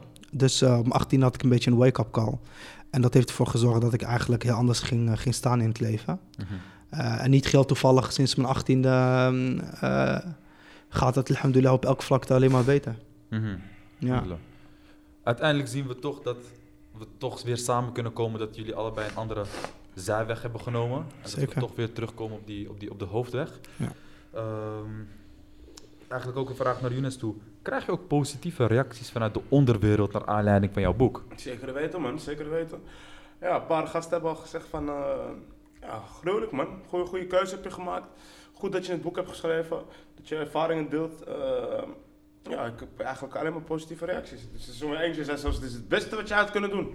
Het allerbeste wat je hebt kunnen doen. Hij zegt, je pakt nu je doekoe halal, je pakt je doekoe wit, schoon, glad gestreken op de bank. Eén keer een pinautomaat, pap, komt zo'n pak geld allemaal glad gestreken uit de, uit de pinautomaat. Hij zegt, dat, dat is toch beter, zonder stress. Je kan gewoon alles aantonen, helemaal geen stress. Je kan een huis op je naam zetten, je kan een auto kopen. Eh, en je helpt nog mensen ermee, want mijn verhaal is niet alleen mijn verhaal. Er zit ook eh, in het laatste twee hoofdstukken zit er eigenlijk een, een hele belangrijke jeugdschap- bo- boodschap in voor de jeugd. Je Dus nawoord. Ja, ja, mijn nawoord ja, ook voor de, voor de jongens, voor de jongeren. Eh, ook voor de politiek, het systeem ook nog een beetje. Van wat, kan, wat kan het beter? Dus ja, ik, eh, ik kan alleen maar zeggen dat, eh, ja, dat met iedereen echt positief is. Ja. Ja. Ik merk Ja. wel dat, dat het vooral een van de voornaamste redenen waarom je bent afgegleden destijds en je hebt je herpakt, laten we dat voorop stellen. Ja. Het afgeleiden kwam ook vooral door tekort aan materialisme. Ja, Ik heb een klein stukje die ik eigenlijk wil gaan voorlezen, ja, als je het goed vindt. ja, is goed man. Dat is, het, het raakte mij, want eh, ik, ik kom erop terug. Dit Hm. stukje. Op school vind- vond ik een ouder Nederlands meisje leuk die een paar klassen boven mij zat. Op een dag stonden we in de pauze bij de Turk, zoals we de maffe Marokkaanse bakker noemden, in de rij om een lekker broodje te halen. Je kon daar een goed gevuld broodje met Marokkaans gekruid vlees, vis, groenten voor een spotprijsje krijgen. Zo'n broodje kostte maar anderhalve euro. Ik zag het meisje binnenlopen en raakte meteen gespannen. Wat als ze iets tegen me zou zeggen? Ze ging direct achter me staan. Ik durfde me niet om te draaien, bang dat ze zou merken dat ik verliefd op haar was. Het Nederlandse meisje zei spottend tegen haar vrienden: Haha, moet je die jongen zien met zijn neppe skere kleding? Het groepje begon me uit te lachen. Ik liep rood aan, maar gelukkig begonnen de tranen pas te vloeien toen ik naar buiten liep met mijn broodje. Huilend at ik mijn broodje in een portiek op. Ze hadden gelijk, mijn kleding was inderdaad goedkoop en nep. De maat was vol. Ik moest en zou ook mooie merkkleding hebben. Ik skipte meteen voor het eerst de les. Ja man. Materialisme uiteindelijk zien we erin zeker, terug. zeker, ja. Weet je wat lijp is? Je noemde net de Turk. Ik heb ook een jaar eh, in Zuid op school gezeten. Dit is in Zuid waarschijnlijk, Ja, ja, toch? ik, ging, dan. ik ging ook naar die Turk. Jullie kennen dezelfde persoon. Nou ja, ik ging ook naar die Turk. Dus waarschijnlijk, eh, is misschien dat we... Precies, een en. Younes is maar een jaar ouder dan ik. Dus Ja. misschien dat we elkaar wel eens daar, eh, elkaar zijn kunnen, tegengekomen. Kleine wereld man. Echt ja, eh, iedereen, bizar. iedereen, kende de zaak, was echt het lekkerste eh, eten en ook heel goedkoop. Ja, en hij was ook grappig, eh, gewoon een heel, hele grappige man. Maakte altijd gekke grappen. Maar los van, los Ja. van de Turk, Ja. eh, essentie is, ja. het raakte jou Ja, ja, oprecht. zeker, zeker. Ja. Dat, eh, dat, eh, dat, niet alleen waren er nog meer van, dat soort, van dat soort dingen, maar dit was echt wel het ergste ook. Ehm, ja, dan ga je toch wel nadenken van, hé, hey, wat, eh, wat als, ik, als, ik, ehm, als ik wel dure kleding heb? Misschien dat mensen mij wel accepteren, weet je? Dus ja, dat heeft wel eh, wat bij mij geraakt, ja. En dat is eigenlijk wat ik bij Simmer hoorde. Ze zei van mensen gaan op een gegeven moment in de, in de, in de, in de kleedkamer zelfs Ja, vragen man. van oh hij is echt, laat maar zien dat hij echt Ja, is. maar- Ja, ja, echt bizar man, hoe materialistisch de jeugd op dat moment was. Ik weet eerlijk Het is gezegd nu nog erger, denk ik. ik denk dat het nu... ik- precies. tien keer erger. Ik wilde net zeggen, het is Ik nu heb- nog erger. zelfs eh, een jongetje die ik niet eens ken, die loopt zo, die zegt... eh hey, wat voor schoenen zijn dat, man? Ik zeg, hallo? Kun je niet even groeten? Ik ken jou niet, hè? Hij zegt, zijn Valentino's, hè? Valentino's, hè? Ik zeg, bro, eh, ik ken jou niet. Wat, ga je, wat maakt het uit wat voor schoenen ik heb, man? Ja, dus, Bizar. dit zijn wel van die Zo. dingetjes, man. Ja, gewoon iemand die ik niet ken, een jongetje van 13, 14, Marokkaans, jongen, gaat over mijn schoenen be- beginnen te praten. Ook, ook de lef, hè? Gewoon Ja, dat je op, een, op, een, eh, op iemand afstapt die tien jaar ouder is, Ja. ook Marokkaan, dat je dus ook zoiets durft te zeggen. Ja. Merkpolitie, ze noemen dat merkpolitie. Ja, bizar, man. Tegenwoordig mensen willen Merkpolitie. merkpolitie zijn. Ja, ja. Maar moet je eens voorstellen, hè, dus wat Younes allemaal net vertelde, speelde zich af waarschijnlijk eh, 12, 13 jaar geleden. En, en toen had je nog niet deze influencers die materialisme nog belangrijker Ja, maken. Die de hele tijd laten zien dat ze Lambo's hebben en de, erger, nieuwste, eh, en de nieuwste kleding, nieuwste schoenen. Ik, ik, ben, ik hou me hard vast voor, voor de generatie van Ja. onze kinderen als wij ooit kinderen krijgen, Zeker. Hebben jullie die vorige podcast gezien met Tarek van Leidsen? Wat de hij allemaal eerste. over de influencers. Ja. Moest even nachecken. Hij heeft, hij heeft de influencers Ja. kapot gemaakt Ja, wat dat ja. betreft. Ja. Hij zei ook van vroeger was er, eh, nu wil iedereen die Rolex, dan ga je tegenwoordig poppen voor die Rolex. Hij zei de Ja. enige Rolex die ik ken is dat ik mijn hand ging bijten, Ja. dat je zo'n rondje, Ja, ja. en dan ging ik tekenen, had ik een Ja, Rolex. ja. Ja, of zo'n snoep eh, horloge. Of Ken je die nog? Ja, ja, ja, ja, Ja, die ken ja. ik ook nog. Ehm, maar goed, jullie, jullie kennen dit dus. Je, je, je leeft met zulke mensen binnen, jouw eh, binnen jouw kringen, binnen jouw maatschappij. ja. Je ziet zo iemand afgeleiden. Je, bent, je hebt het doorstaan, Ja. jij hebt het van dichtbij gezien. Mhm. Zeker, ja. Het is heel lastig om zo iemand te zeggen van bro, Scott die merkkleding is Ja. niet zo belangrijk. Het eh, ene oor in, andere oor eruit. Ja. ja. Wat zou jij nu tegen zo iemand kunnen zeggen als je dat ziet gebeuren voor jouw ogen? Ja, ik zou zeggen van, eh, het belangrijkste is je eigen waarde. Zolang jij gewoon zelfverzekerd bent van jezelf eh, en je ziet er gewoon wel netjes uit, je hoeft niet de duurste kleding te kopen. Je kan ook naar de H&M of de Zara, hebben ze ook hele mooie kleding. Kun je gewoon netjes kleden. Eh, zorg gewoon dat je, dat je zelf gewoon, eh, gewoon, dat je zelfvertrouwen gewoon goed zit. Want ja, ook al heb je Scapino schoenen, ja, het verandert- eigenlijk helemaal niks. Als jij gewoon zelfverzekerd voelt in die kleding, ja, dan heb je dat eigenlijk ook helemaal niet nodig om al die extra euro's uit te geven aan, aan kleding. Als je bijvoorbeeld met een vrouw ga- gaat praten en zij accepteert je niet om de kleding wat je hebt, dan is dat helemaal geen goede vrouw, weet je. Eh, dat, dat- dat weet je dan Ja. gelijk, maar ze geeft niet Ja. om mij, maar ze denkt, oké, die heeft geld. Die ziet er goed uit, mooie dure kleding. Die wil gelijk, dan willen ze wat van je, weet je. Ik heb vaak gehad als ik in een, in een club ben, in een tent, ik ben helemaal fully dressed, ik heb mooie, mooie kleding aan, ik ben helemaal op mijn tip-top. En dan kom, krijg ik aandacht van alle vrouwen. Kom daar één keertje gewoon met een normale overhemd, gewoon een normale broek. Niet, niet al te dure schoenen. Ik zweer het, ik, ik kan de hele dag achter ze aanlopen. Ze willen niet met me praten, bro. ze willen niet met me praten. Ik denk, wie is deze, deze skere gast? Ja, Merk je dat- nu nog steeds dus? ja, dat, dat, eh, bij vrouwen zit het denk ik, denk ik het ergste, man. Die, zijn nog, die, die kijken echt of, of je kleding echt is. Of, die weten dat misschien nog wel beter dan, dan mannen zelf. We moeten alle drie nog trouwen. hè? ja. ja.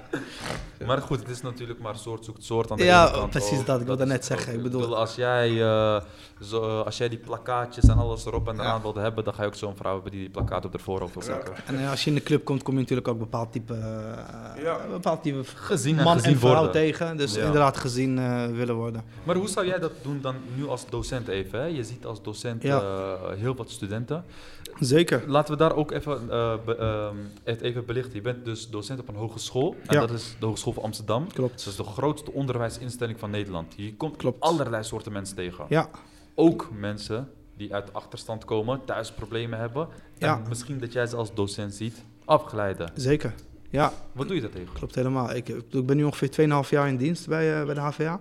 Dus ik heb denk ik een stuk of, eh, dan overdrijf ik niet, misschien anderhalf duizend eh, studenten lesgegeven. Hoeveel? Anderhalf duizend. Ik bedoel, ik had in mijn eerste jaar. ehm, nou ja, ja, precies. Want die wisselt natuurlijk ook klassen en zo. Ik denk dat ik, eh bijvoorbeeld het eerste jaar gaf ik elk blok wel tien, eh, tien klassen les. Dus dat zijn dan een stuk of 300 studenten. En als je dan halverwege het jaar dan eh, weer tien andere klassen krijgt, dan zit je al op 600. En doe dat maar een keer 2,5. Eh dus ik denk, ik heb sowieso meer dan duizend studenten lesgegeven. Van, laat ik het zeggen, van, vijf, van 75% weet ik nog de naam. Dus dat zit gelukkig wel goed. Ja, dat onthoud ik wel eh, gelukkig. Maar de verhalen, ook al vergeet je de namen soms, de verhalen die, eh, die vergeet je niet. Dus ik heb wel een student op, mij op gesprek gehad met hele heftige verhalen. En wat ik wel moest leren, dat, dat was in mijn eerste jaar. En ik heb het geluk dat mijn le- leidinggevende een psycholoog is, dus die heeft me daar wel bij geholpen. Eh, is, eh, ik ben geen psychiater of psycholoog, dus eh, ik kan ze maar tot beperkte, eh, ik kan ze maar heel beperkt helpen. En, en, het voornaamste wat ik doe is luisterend oor aanbieden. En dat is bij velen eigenlijk al heel erg, heel erg belangrijk. Ehm, en waar ik wat kan helpen, waar ik advies kan geven. Ik heb bijvoorbeeld ook wel wat Marokkaanse jongens bij me gehad. Die zeggen van ja, eh, ik moet werken, ik moet werken, ik moet werken, ik moet dit. Maar ja, ik, dan, dan probeer je dan een bepaalde vraag te stellen van waarom moet je werken? Ja, ik moet dit halen, maar waarom moet je het halen? En dan kom je eigenlijk op hetzelfde als wat Younes net beschreef. Ehm, eh, jongens maken hun huiswerk niet, eh, omdat ze extra gaan werken. Ze de hele nacht door taxi werken en dan negen uur zitten ze weer in de collegebanken. Waarom doe je dat? Je woont thuis bij je ouders, je hoeft geen huur te betalen. Eh, ja, maar ehm, eh, ik, wil, eh, ik wil een nieuwe bak kopen, of ik wil een watje halen, of ik wil de nieuwste patas. Ik wil de... Waarom? Ja, maar matties hebben ze ook. Kijk, dan krijg je dat dus. Dat is weer dat stukje materialisme. En, ehm, en het engste vind ik nu, en ik had het net ook al benoemd, is normaal gesproken, materialisme bevond zich voornamelijk binnen de kringen. Dus stel je voor dat je andere vrienden had, zou je misschien niet er- heel erg in, aan, Ja. eh, in aanraking komen met materialisme. Alleen nu je opent Instagram, elke influencer laat Ja. zien dat hij een gekke doekoe heeft. Ja. Ja. En de helft is natuurlijk fake, want Ja. eh, ik heb gehoord ook heel veel die kopen, die kopen likes. Ik ken persoonlijk zelfs iemand die likes heeft gekocht om, eh, om, om een start te maken als influencer. Ja. Eh, en Volgers eh, en ja. En heb je net rappers net als Bow Wow. Hè. Besef, mensen uit de jaren 90, Bow Wow was echt een hele grote rapper, neef van Snoop Dogg. En blijkbaar wat hij deed, hij had geen PV-jet, maar hij huurde een bedrijf in. Die hebben een PV-jet die niet kan vliegen. Dus dan ging je er gewoon in zitten en dan kon je pikkas maken en dan kon je er weer uit.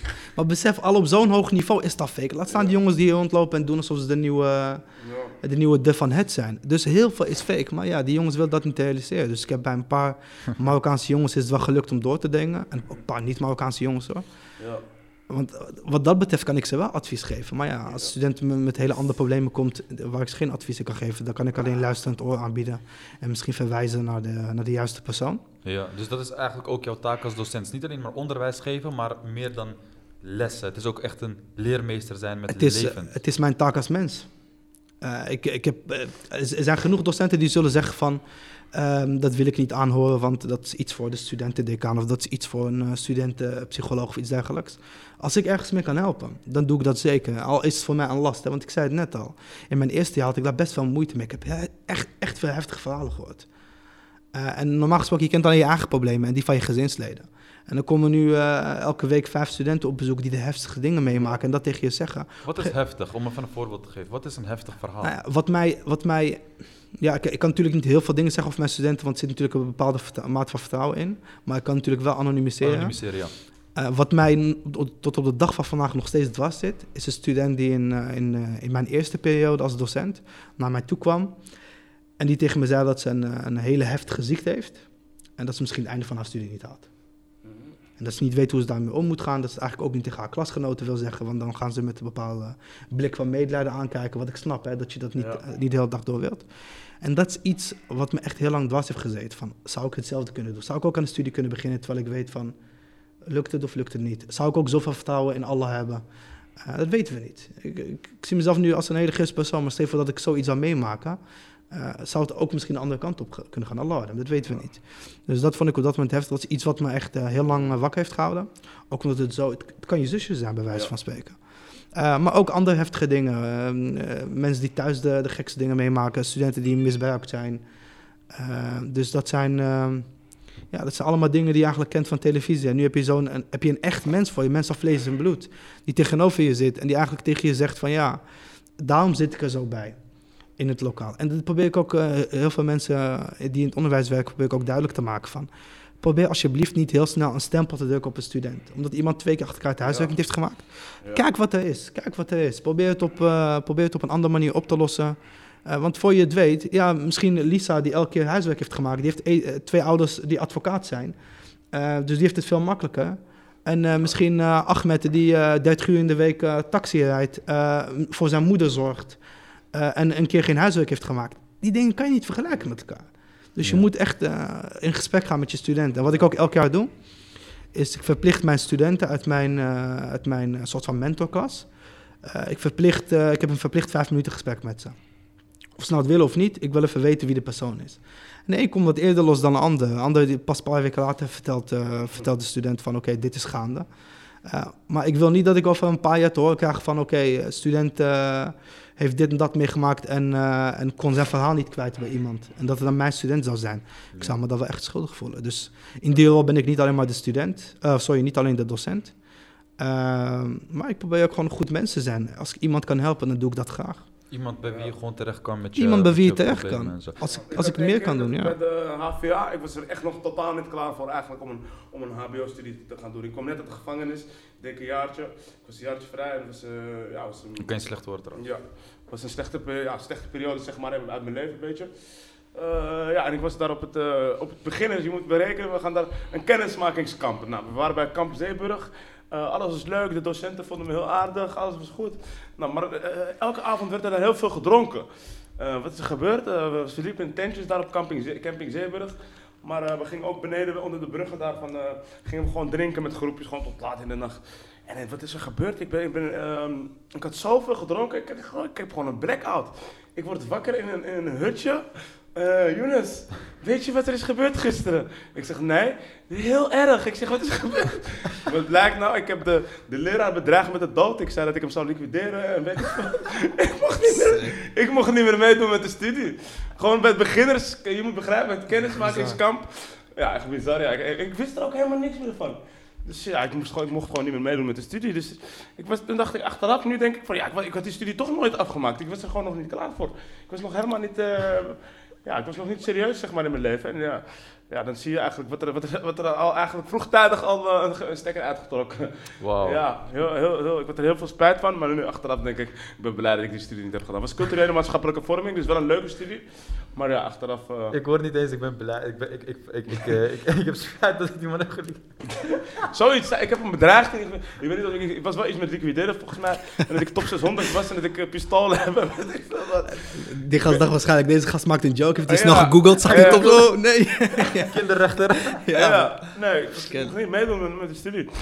Bizar. Maar Ja. goed, heb, heb je wel in je hele periode, want je hebt cum laude HAVO afgestudeerd, heb je wel een docent gehad waarvan je zegt van die heeft mij uiteindelijk wel echt geholpen om te komen waar ik ben? Ja, meester Jan uit de gevangenis waar ik zat. Dat is echt de meester die mij heeft geholpen. Ik heb het daar in, eh, dus in acht maanden heb ik met hem, eh, hij dit was een, een, hoe noem je dat, een homo universalis. Hij had overal, over alle verschillende zaken had een algemeen kennisniveau. Dat was bizar gewoon. Als je, en als je een antwoord niet wist, wat bijna nooit voorkwam, ging die, ging die gewoon ehm, in de pauze zeg maar, ging die gewoon in zijn hele pauzetijd heeft hij gebruikt dan om A4'tjes met geprinte informatie allemaal voor het onderwerp. Dan legt hij het gewoon zonder iets ligt op tafel, dan doet hij zijn bril zo, gaat hij zitten. En dan als je het en, zegt hij dan? Ja, dan, dan, weet, dan begrijp je gewoon precies alles. Dus ja, die man heeft me echt eh, enorm veel geholpen. Ja. Maar en ook- ook gestimuleerd van, eh ja, ga het diploma halen. Ja. Maar was het ook iemand bij wie je je ei kwijt kan? Want ik heb bijvoorbeeld zelf ervaren, de docenten, je hebt van die docenten, eerlijk is eerlijk, ik heb van die docenten zeggen, ik werk van 9 tot 5, ik krijg mijn salaris, 5 uur, laptop gaat dicht, Ja. vragen kan je via de mail Ja. doen en that's it. Helaas. Ja. Toch? Ja, dat is de zeker, realiteit. zeker, ja. Ja. Zou jij waarschijnlijk, als je zo een leermeester had, die jou gewoon bij de oor kon vatten of bij de kraag kon vatten, van Younes, luister vriend, ik ben je docent, maar buiten dat om, ik ben ook gewoon ouder dan jij, ik heb levenservaring, ik merk dat dat fout gaat. Zou dat helpen? Ja, lichtelijk denk ik wel. Maar ik ben heel koppig, dus eh, bij mij staat het sowieso denk ik niet helpen. Misschien wel in een bepaalde zin, maar ik, ik denk echt dat die motivatie moet intrinsiek zijn. Het moet echt gewoon uit jezelf komen. En als een le- leraar je daarbij, daarbij kan ondersteunen, dan is dat perfect. Dan heb, aan, zo'n leraar heb ik dan heel veel, eh, heel veel. Maar ja, ik heb ook hele chille leraar gehad, maar ik was er totaal niet klaar voor. Eh, mentaal en eh, ja, ik had gewoon geen motivatie. Nou, dan ga je het niet halen. Ja. Nou, er moet, moet eerst echt wat veranderen. Er moet echt een, een hele grote. Eh, ja, moet gewoon echt. ehm, ja, intrinsieke, sterke intrinsieke motivatie. Ja, Het- De wil moet echt vanuit jezelf Ja, komen, zeker, zij zeker. kunnen jou alleen maar ondersteunen. ja Daar precies. Ze kunnen je alleen sturen, een beetje, beetje de, de juiste richting insturen. Maar voor de rest moet je zelf die auto starten. Ja. Ja. Ehm, buiten het docentschap om, kijk Simmer aan, buiten het docentschap om, doe jij Ja. ook natuurlijk onderzoek, hè? Eh, ja, ik, eh, tenminste, ik begin eh, in februari of maart ga, ga ik beginnen met een onderzoek. Waar het over gaat, dat zijn we nog niet helemaal over uit, want ik doe het samen met iemand anders. Maar het moet wel te maken hebben met diversiteit en inclusie. Eh, dus het kan over van alles en nog wat zijn. Eh, je, de- je zou het kunnen zien als eh, we gaan eigenlijk eh, onze eh, onderzoek doen naar onze studenten. En waar ze tegenaan lopen wat betreft diversiteit en inclusie. Bijvoorbeeld, stel je voor, eh, en dit is maar een voorbeeld, ook ik zeg niet dat dit het geval is, maar stel je voor dat, eh, dat de Marokkaanse meiden met een hoofddoek, of in ieder geval meiden met een hoofddoek, eh, zich niet thuis voelen op de opleiding door opmerking van bepaalde docenten of zo. Dat zijn allemaal dingen die je kan concluderen. Dus eh, ik volg naast het docentschap volg ook een, volg ik ook een traineeship aan, eh, aan de hogeschool. Eh, traineeship diversiteit en inclusie. Dus eigenlijk de docenten van de, van de toekomst vormen.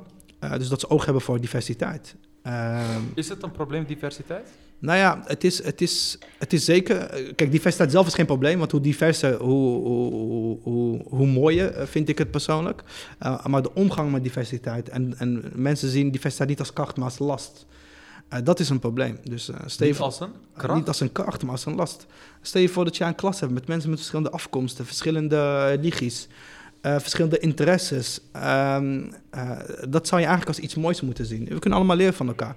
Maar er zijn ook mensen die dat eng vinden. Die zeggen van ja, ik bedoel, dit is eh, Nederland. We houden het gewoon op. eh, we zijn allemaal Nederlanders. Ik hoef niets te weten over je achtergrond.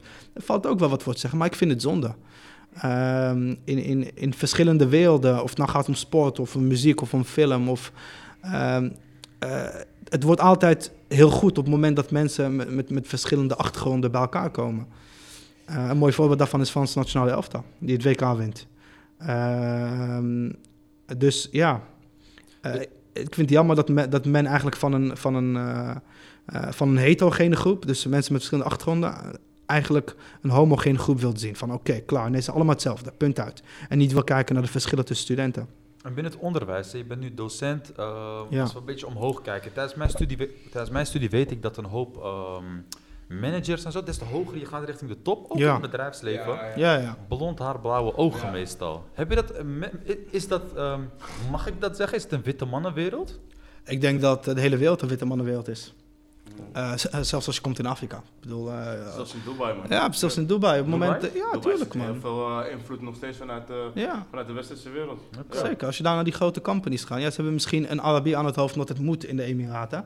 Eh, maar die heeft het echt niet voor het zeggen. Als een poppetje, als een Als icoon. een poppetje, Ja. als een icoon. Volgens mij moet je daar, als je een bedrijf inschrijft, moet je het op naam zetten van. Of tenminste, hij moet dan een bepaalde functie hebben. Ja. Eh, een emiraat moet een bepaalde functie hebben. En voor de rest heeft hij niets te zeggen. Het is gewoon echt een, eh, een pop. Maar ook als je kijkt naar, naar, naar, naar niet-westerse landen zoals... nou ja, we hadden net over Ghana, maar andere Afrikaanse landen. De, de, de grote multinationals daar, daar heb je meestal wel een blanke man aan het, eh, aan het hoofd. Maar ook in Marokko. Marokko ook. Marokko. Bedrijven zijn meestal Ja. ja. gewoon... eh, Precies. En ook oer- oer-Marokkaanse bedrijven hebben meestal een CEO die Frans is. Ja. Ehm, dus ja, maar nee, het, in, Nederland is, is het eigenlijk hetzelfde. Hoe hoger je komt, hoe minder divers het is. Eh, als ik het heb over mijn eigen, mijn eigen baan. Ehm, eh, ons team is redelijk divers qua docenten, maar ook qua teamleiders, eh, moet ik bekennen. Maar als je dan naar boven gaat, ja. bijvoorbeeld manager, en dan eh, decaan en daarboven, ja, dan ga je echt geen Samuel van Younes vinden. Helemaal Ja, niet. Helemaal niet. Helemaal niet. En je moet, je moet al blij zijn als je een, een witte vrouw tegenkomt. Ja. Snap je? Alleen dat, dat is al een ook niet meer. Ja, als je, als je een witte vrouw tegenkomt, dan weet je, oké, hier is, zijn ze niet gewoon bezig met iets. Ja. Ehm, maar ja, normaliter is, ehm, is hoe hoger je komt, hoe, eh, ja, eh, hoe meer witte mannen je tegenkomt. Ja. Ik is vind het prachtig dat je daar onderzoek naar doet, want het is inderdaad iets wat gewoon besproken moet gaan worden. Dan kan ik hem ook omdraaien naar Younes toe. Je zit op de top 600 lijst. Ja. Is dat daar diversiteit in? Nee, ook niet, man. Ik denk, ik ken misschien een enkele, enkele Nederlander die, die op de top 600 lijst. En dus dan ook een, een echte, echte grote crimineel. Dus ja, dan is het logisch dat je op de top 600 staat. Eh, maar voor de rest zijn het echt, is de top 600 lijst, lijkt het bijna alsof het ontwikkeld is voor allochtonen. Ik ken, ik, ja, ik wat ik zeg, één jongen, die, maar dat is ook echt gewoon een grote crimineel. Dus ja, voor de rest zijn het allemaal Marokkaanse, Surinaamse en Antilliaanse jongens. Ik zie jongens die van de Marokkaanse afkomst, die, die, die doen bijvoorbeeld vier delicten. Eh, die komen erop. Eh, wel high impact delicten. En bij, bij Nederlandse jongens die de 10, 20 delicten, allemaal high impact en die, zitten, die staan er niet op. Hoe kan dat? Ja, dat, wat ik zeg, het, eh, Zijn het de rechters? ja, is het, is het... het is toch wel een beetje een systeem. Ook, ook jongens die vastzitten en die, eh, zoals ik ook in mijn boek heel, heel uitgebreid heb beschreven, voor, voor precies dezelfde fouten. Dan weet je gewoon, een Nederlandse jongen krijgt jeugddetentie, een hele lage straf van de rechter. Dat noemen ze, ik, wij noemen dat dan een passende straf van de rechter. Dus dat is passend voor hem. Ja, de Nederlandse jongen, als hij dit soort dingen doet, is het natuurlijk een schrijnend geval. Een zielige, ongelukkige Ja. samenloop van omstandigheden. Ja, ja, exact. en als het, als het een um, allochtoon is, is, het, is hij, spoort hij niet, is het een eh, tuig, Marokkaans tuig, uitschot van de maatschappij. Ja, dat, eh, dat, heb, dat heb ik echt meegemaakt. Eh, Nederlandse jongens krijgen ook heel weinig de pijnmaatregel. Als ze de pijnmaatregel kregen, was het altijd voor, voor poging moord of echt verkrachtingen. Eh, of er zat echt heel veel steekjes los. Anders kregen ze gewoon een jeugddetentie. Overval, negen overvallen, allemaal met wapen, met, gevuld met munitie. Hij krijgt negen maanden. Voor elke gewapende overval met een pistool gevuld met munitie, één maandje. Marokkaanse jongen, niet eens met een, met, met een pistool, met een, met een mes, overval mislukt, geen buit. En wat krijgt hij? Pijnmaatregel. Wat, wat, wat, wat is die pijnmaatregel? Jeugd-TBS. Het ergste, het ergste wat je kan krijgen als, is letterlijk jeugd-TBS. Je kan elk jaar verlengd worden, twee jaar, twee jaar, twee jaar. Het is inmiddels tot en met acht jaar. Dus jongens van 27, 28 zitten nog steeds in een Oké, jeugdgevangenis. wacht, dit stukje, ik vind, Ja. het, ik vind het wel... eh ken je dit stukje trouwens? Vanuit je rechtenstudie? Bij? Ja, ehm, ja en nee. Ik, ik ken het wel, maar ehm, eh, ik wist niet dat het zo ver ging. Ehm, En natuurlijk hoor je wel hier en daar verhalen. Uh, maar ik denk, voor mij vroeger was het een soort van fan van mijn bedshow. En ik denk voor vele mensen, je denkt dat het alleen maar in Amerika gebeurt. Snap je? Je kijkt die docu's, eh, Amerikaanse documentaires. Mhm. Ehm, en je denkt van, ah, in Amerika worden donkere mensen worden zwaarder gestraft dan, Ja. dan witte mensen voor, voor dezelfde delicten. Ja. Eh, alleen ja, de afgelopen maanden en de afgelopen jaren ben ik wel tot de conclusie gekomen dat het eigenlijk geen ver van mijn bedshow is, maar dat het in Nederland ook gebeurt. En je ziet, ook, je ziet het ook gewoon bij jongens in de buurt, dat je denkt van, eh, ik heb je lang niet gezien, ja, ik heb vastgezeten.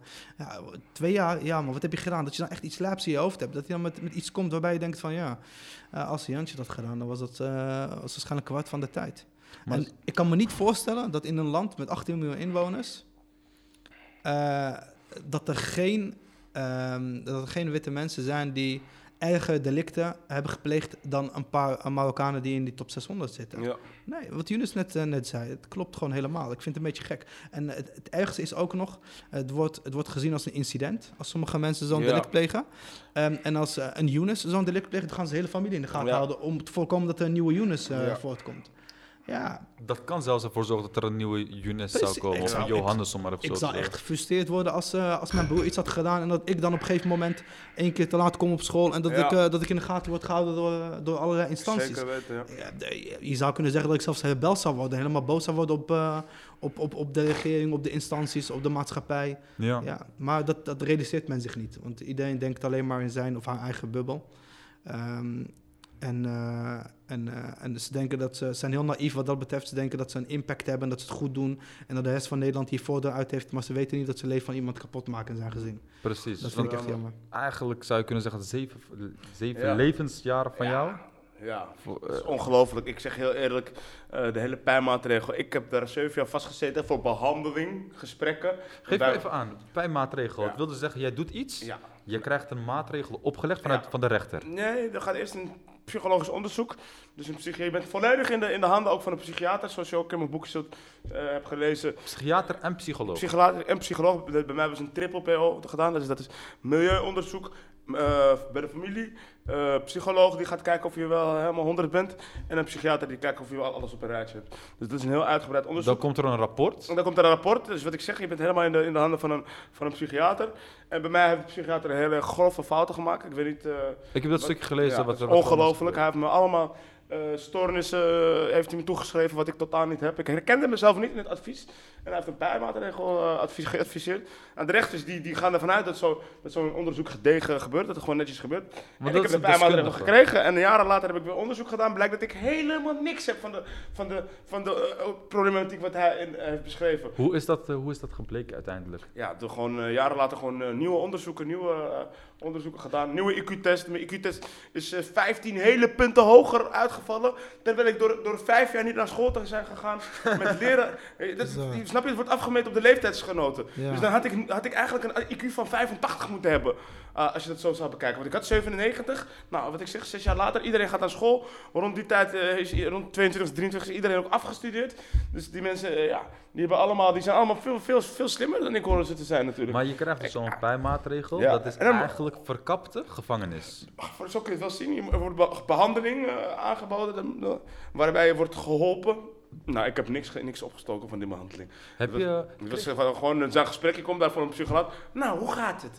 Nou, dan het gaat goed. Nou, hé, hey, wat erg en dit en dat. En natuurlijk, je gaat wel een beetje spijtbesef. Je gaat diep op delicten in en zo, dat is delictanalyse. Maar daarna, wat voor behandeling, man. Ik, ik zeg heel eerlijk, ik heb, daar, ik heb daar gewoon zes jaar verspild. Ik, als, ik, als ik gewoon zelf niet eh, tot, de, tot de conclusie was gekomen dat ik op een foute, op een foute manier bezig was. Nou, en wat gelukkig kwam doordat ik diploma had, zelf had gehad, uit mijn eigen intrinsieke motivatie. En omdat ik zelf de, de drang voelde om te veranderen. Eh, dan, dan was ik nu nog steeds niet. eh, ja, dan had ik nu nog steeds gewoon was ik nu nog steeds op, dat- op dat pad gewoon. Maar wat Dus het krijg je heeft- daar? Het, het heeft mij niet geholpen. Ik heb eigenlijk voor niks vastgezeten. Oké, maar je zit daar. Ja. Je zit in een soort kliniek of gevangenis noemen ze Het, het. het is gewoon een gevangenis, maar wat ik zeg, eh, eh, je krijgt gewoon precies dezelfde behandeling als jongens die daar ook gewoon eh, vastzitten, die een jeugddetentie hebben. Dus wat, ik, wat het verschil, het rare is, dus iemand die een jeugddetentie heeft, die kan aan ook alle behandelingen meedoen. Ook alle, alle aangeboden hulp en therapie kan die krijgen. Alleen het verschil is dat iemand van jeugddetentie krijgt de inrichting 250 euro per dag voor en een pijnmaatregel 750 euro per dag. Oké, wacht, wacht, wacht. Wat ik nu hoor- hier hoor is een eh, Ja, ik heb- commercieel spelletje. Ja, dus als jij jeugddetentie krijgt, Ja. dan krijgen zij 125 250, 250 per jongen. euro. Dus voor eten, behandeling, sport, noem maar op. per, per dag per Per dag, persoon. per dag per persoon, ja, maar ja. als ze jou in de pij zetten, 750 euro per dag. per dag. Ja. Ja, dat, dat is su- su- subsidie wat ze Ik krijgen denk van dat wij gewoon een pijkliniek moeten openen. Ja, dat, moet je berekenen voor een groep met jongens. eh, van acht jongens hebben ze per week eh, 40, 45.000 euro beschikbaar. Nou, eh, ik weet niet waar al dat geld heen gaat, maar niet richting ons in ieder Nee, maar serieus, waar gaat het geld Ja, naartoe? weet ik veel waar het, al dat geld heen gaat. Ik weet het niet, man. We waren, de goud, we, eh, waren, we waren de goudmijntjes van de inrichting. En dat, Ja. dat weet iedereen. Dat weet iedereen die daar werkte, die wist dat. Eh, dus wij hebben wel eens zelfs een periode gehad dat, dat we met de jongens gewoon... eh, we, we mochten gewoon bestellen zonder budget, dus dat zegt al genoeg. Maar wij gingen stiekem we op kantoor gingen we extra bestellen. We hebben soms voor 3000 euro aan, eten besteld gewoon in een week. Grote zakken garnalen, lamskoteletten. En niemand kwam klagen, niemand. Pas na een jaar of, of, acht maanden hadden ze pas door dat er toch wel een beetje veel geld werd uitgegeven voor onze groep. Hoe kan dat? We geven maanden, jarenlang, geven we gewoon eh, duizenden euro's uit aan eten. En opeens kwamen ze erachter. dus dat betekent genoeg. Dat die balans is zo groot gewoon. Het, het, eh, het, ze merkt het niet eens. Maar zo'n pijnmaatregel, Ja. als, je dat, als, je, als je dat dan krijgt, is het zeg maar dat ze zeggen, jij krijgt een pijnmaatregel voor drie maanden, vijf Nee, je maanden, krijgt je altijd, je krijgt altijd, nu inmiddels is het altijd drie jaar.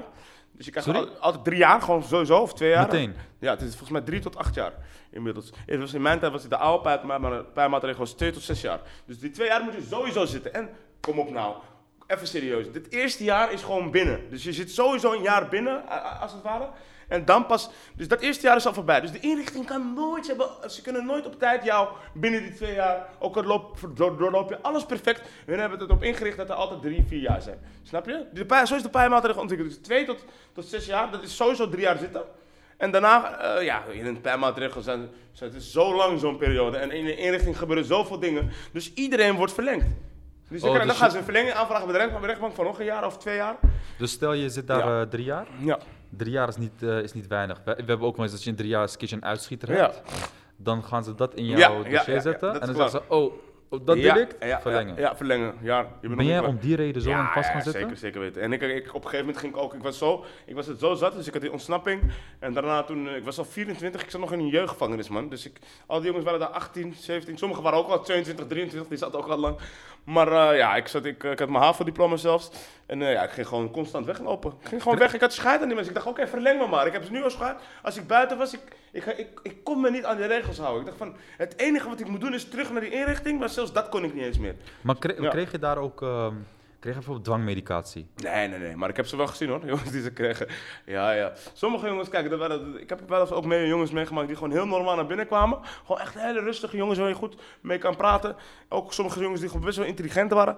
En na, na twee, drie jaar, je weet niet eens meer wie je ziet, man. Je ziet een jongen voor je die gewoon, "Hé, je kankermoeder, wat is er met jullie? Die met, met stoelen gooit om elk klein dingetje die totaal niet aanspreekbaar is. En dan denk je, denk, is dit behandeling? Is die jongen geholpen? De jongen is een ongeleid projectiel, dat is een tikkende tijdbom, man. Die kun je niet eens meer vrijlaten nu. Dat gewoon iemand helemaal ontspoort in de gevangenis. Ja, dat- ik heb meerdere van die types gezien. Sommigen kunnen niet, kunnen niet eens meer normale gesprekken voeren. Dat was bij binnenkomst niet zo waren. Dus op, niet op iedereen heeft, heeft die behandeling goed, go- een goede invloed. Ik weet dat ze dit soort dingen, als ik naar Amerikaanse documentaires Ja. kijk, heb je dat wel eens gezien? In Amerika weet ik dat ze Ja. dit soort dingen... Het is een verdienmodel, hè? Het is, Zeker, je hebt daar ook heel veel private gevangenis. Dus Ja, toen- het is- ik ja. schrok toen Younes net die, die prijzen opnoemde, want Ja. ik, ik had niet verwacht dat het in Nederland ook zo, eh, Ja, zo zeker. ging. Want in, in de Ja, VS wat- is het inderdaad zo. En dan gaat het zelfs zo erg dat, eh, dat als een gevangenis bijvoorbeeld geld nodig heeft, dat ze gewoon, eh, dat ze gewoon even langs een hechter gaan, gaan zeggen van nee, eh staf even mensen wat zwaarder, dan komen ze bij ons in Amerika. Ja, in Ja, Amerika. ja, het is, maar het is, ja. En de eerste mensen die zwaarder worden gestraft, ja, je kan het wel raden, dat zijn donkere mensen daar. ja. Ja. En eh, misschien zijn Marokkanen de donkere mensen van Ja, Nederland. dat heb ik altijd gezegd. Ik, ik- wij zijn, wij zijn de, eh, de, de, de donkere mensen van, van, eh, van Nederland inderdaad. Ja, ja, Ja. maar echt wel. Als, als ik dan, als ik dan even een stapje terugneem en ik Ja. kijk naar wanneer je vrij bent. Ik zie meestal nog steeds een visueuze cirkel. Ik heb het hier opgeschreven. Stel je bent jong, Ehm, je doet mogelijk iets doms, bijvoorbeeld door wat ik voorlas, zo materialisme. Ja. eh, je doet iets doms. Oké, Ja. prima. Je krijgt een strafblad, de- een, justitieel document, je krijgt een Ja. aantekening daarop. Je krijgt daardoor mogelijk geen VOG. Ja, Ja. Je baankans wordt verminderd. ja. Je gaat waarschijnlijk daardoor, je moet uiteindelijk toch wel aan je cent komen. Je gaat weer iets doms, ja, ik zou zeggen onverstandigs Het is doen. echt een vicieuze cirkel, ja. En dan krijg je een visueuze cirkel. Maar hoe kan je dat doorbreken? Doorbreken is de enige moment, is, is, eh, enige manier is denk ik door zelf succesvol te worden.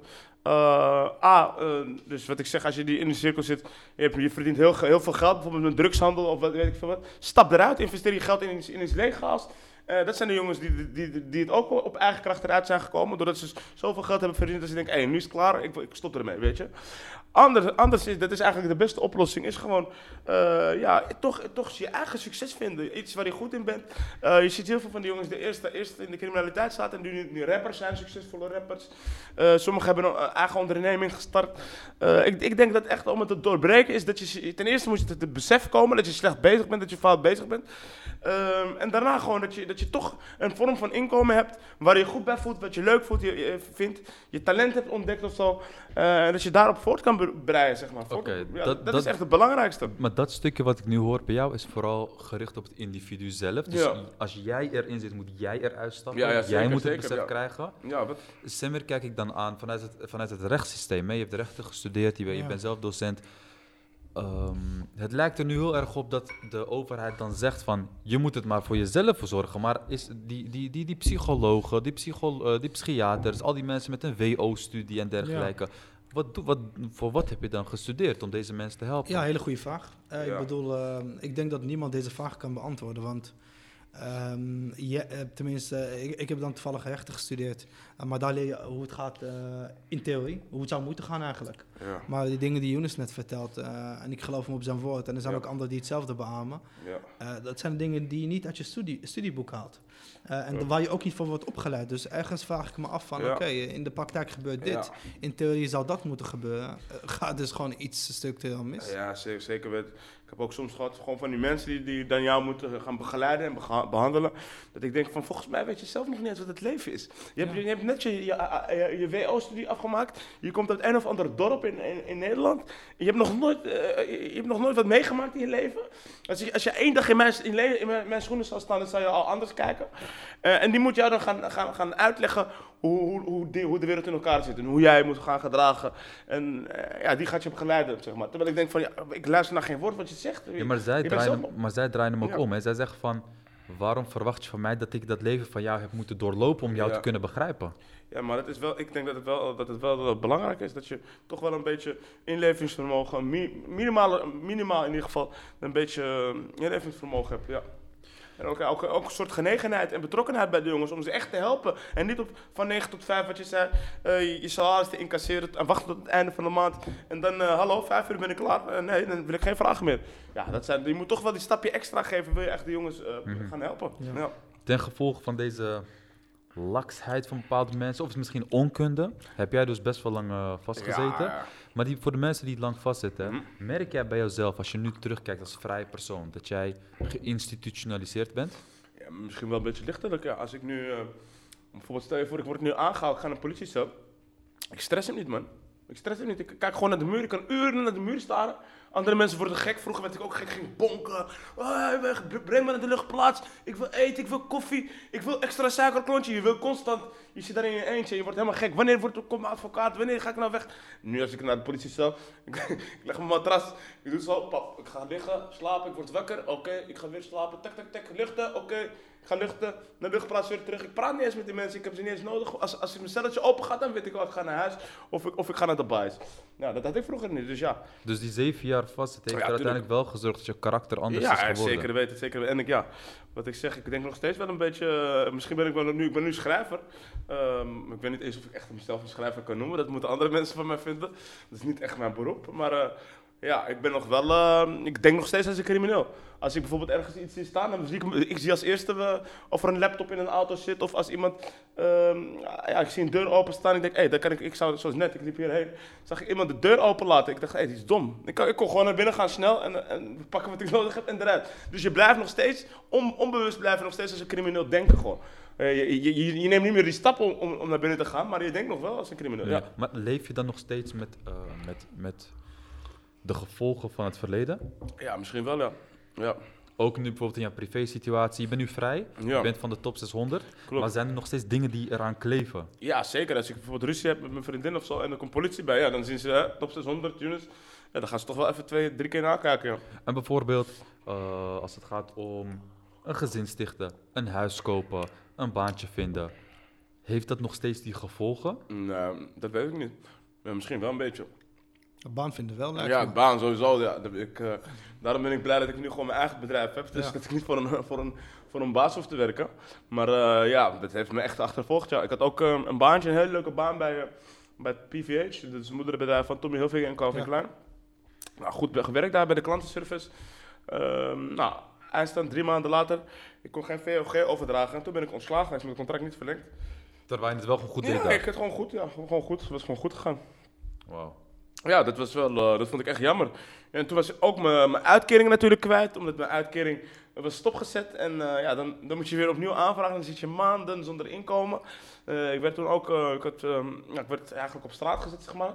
Dus ik had ook geen, geen ja, ik, kon wel uiteindelijk bij mijn vriendin slapen, maar voor voor de rest geen inkomen. Moest ik zelfs een dakloze uitkering gaan aanvragen. Toen, ehm, maar ja, dan moeten ze zeker weten dat je in een parkje slaapt of zo. Dan moeten handhaving en toezicht bij langs gaan komen om te kijken of je daadwerkelijk in een parkje slaapt. Ja, dat zijn gewoon... Je was dakloos een tijdje, toch? Ja, dat stond ja, ook dat ook, maar dat was daarvoor. Maar Oké. gewoon laatst, eh, gewoon nu dat ik zeg maar vrij ben gekomen. Ja, dat, dat, is echt, dat, dat zijn gewoon echt gaten in het systeem. Hoe kan je iemand... Wacht Ja. even, dus je bent vrijgekomen? Ja, In die periode tussen het vrijkomen en het schrijven van het boek, Mhm. hebben ze jou zeg maar ontslagen uit, uit de gevangenis Mhm. en ze hebben je gewoon dakloos achtergelaten. Nee, ik had een huis eh, van HVO Querido. En ik had daar een eh ja, geluidsoverlast door één keer, twee keer een feestje. En ik, ze vonden ook dat ik te weinig was. Dus toen hebben ze mij op straat gezet, letterlijk. Dus toen- va- nadat je Ja, ben je- ja, ja. was je Dus weer... je wordt gewoon op straat gezet door een instelling die jongeren hoort te helpen. Eh, en dan word je gewoon op straat gezet. Dan moest ik, eh, heb ik echt eh, negen maanden lang heb ik, heb ik gewacht op een plekje bijna. Ja. Dus nu ben je nog steeds eigenlijk... Nee, nu heb, ik, nu heb ik wel een plekje gekregen. En daar zit ik ook al drie jaar. En dan hebben ze mij beloofd een nieuwe woning voor me te regelen. Maar dat, eh, die woning, ik heb het hele traject doorlopen. Het zou eigenlijk anderhalf jaar duren. Ik zit daar inmiddels drie jaar en eh, in woning Homa. Dus eh, ja, in maart lo- verloopt ook mijn justitiële indicatie. Omdat ik natuurlijk nooit meer met de politie en met justitie in aanraking kom. Dus eh, als mijn indicatie verloopt, betekent dat hun geen geld meer krijgen. Betekent dat ze me niet meer willen helpen. Betekent dat ik, op, dat ik gewoon op straat word gezet. Dus in maart, ik hoop dat mijn boek goed gaat verkopen. Anders dan, anders dan, eh, dan moet ik weer... Dus mensen beginnen het boek te kopen Ja. bij deze. Ja. ja man. Wauw, Ja, hier dingen. Maar dat zijn van die dingen in het systeem die gewoon niet kloppen. Kijk, hoe kun je iemand. eh, je dealt eigenlijk iemand. Net zoals met die boetes en zo. Je dealt iemand nog dieper de shit in eigenlijk. Terwijl het enige wat je hoeft te doen is diegene ondersteunen en helpen. Eh, en, Trouwens, Ja. eh, ik, ik ga je daar... Sorry dat ik onderbreek. In het boek was er één stukje dat ik niet begreep. ja. Dus wij, wij betalen zorgverzekering. Ja. Eh, hoeveel betaal je ongeveer? Ja. 105, Ik denk 125 zo. 125, zoiets. Ja. Jij kwam hier in de schulden door Ja. je zorgverzekering. Ja. Maar ik snapte niet hoe, wat Ja, gebeurde. als jij, als jij een- bepaalde periode. Ik ging het terugboeken in die periode dat ik weinig geld had. Ging ik mijn zorgverzekering terugboeken. Oké, jij, jij, jij bet- Betaald en dan boek ik het terug. Ja. Zat je toen vast? Nee, gewoon buiten. Maar ik had geen inkomen. Ik was dakloos. Ik had geen inkomen. Hoe moet ik, mijn- hoe moet ik mijn zorgverzekering gaan betalen? Oké, dus je stort hem Ik terug. stort hem terug, ik, ik trek hem terug.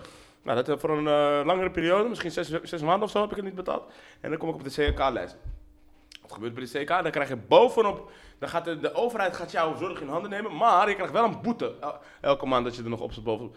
Dus ik moest elke maand 660, 170 euro betalen. Hoeveel? 170 euro. En ten eerste, die CAK-schuld die gaat niet weg. Dus er is een deel schuld, wat je opbouwt, en een deel voor de, echt voor de zorgverzekering.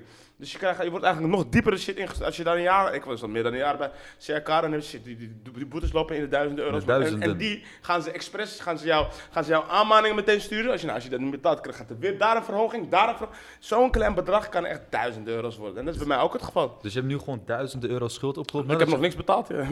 ik weet niet eens of Nee, maar je, je hebt het wel. Je hebt het Ja, wel. ja, zeker.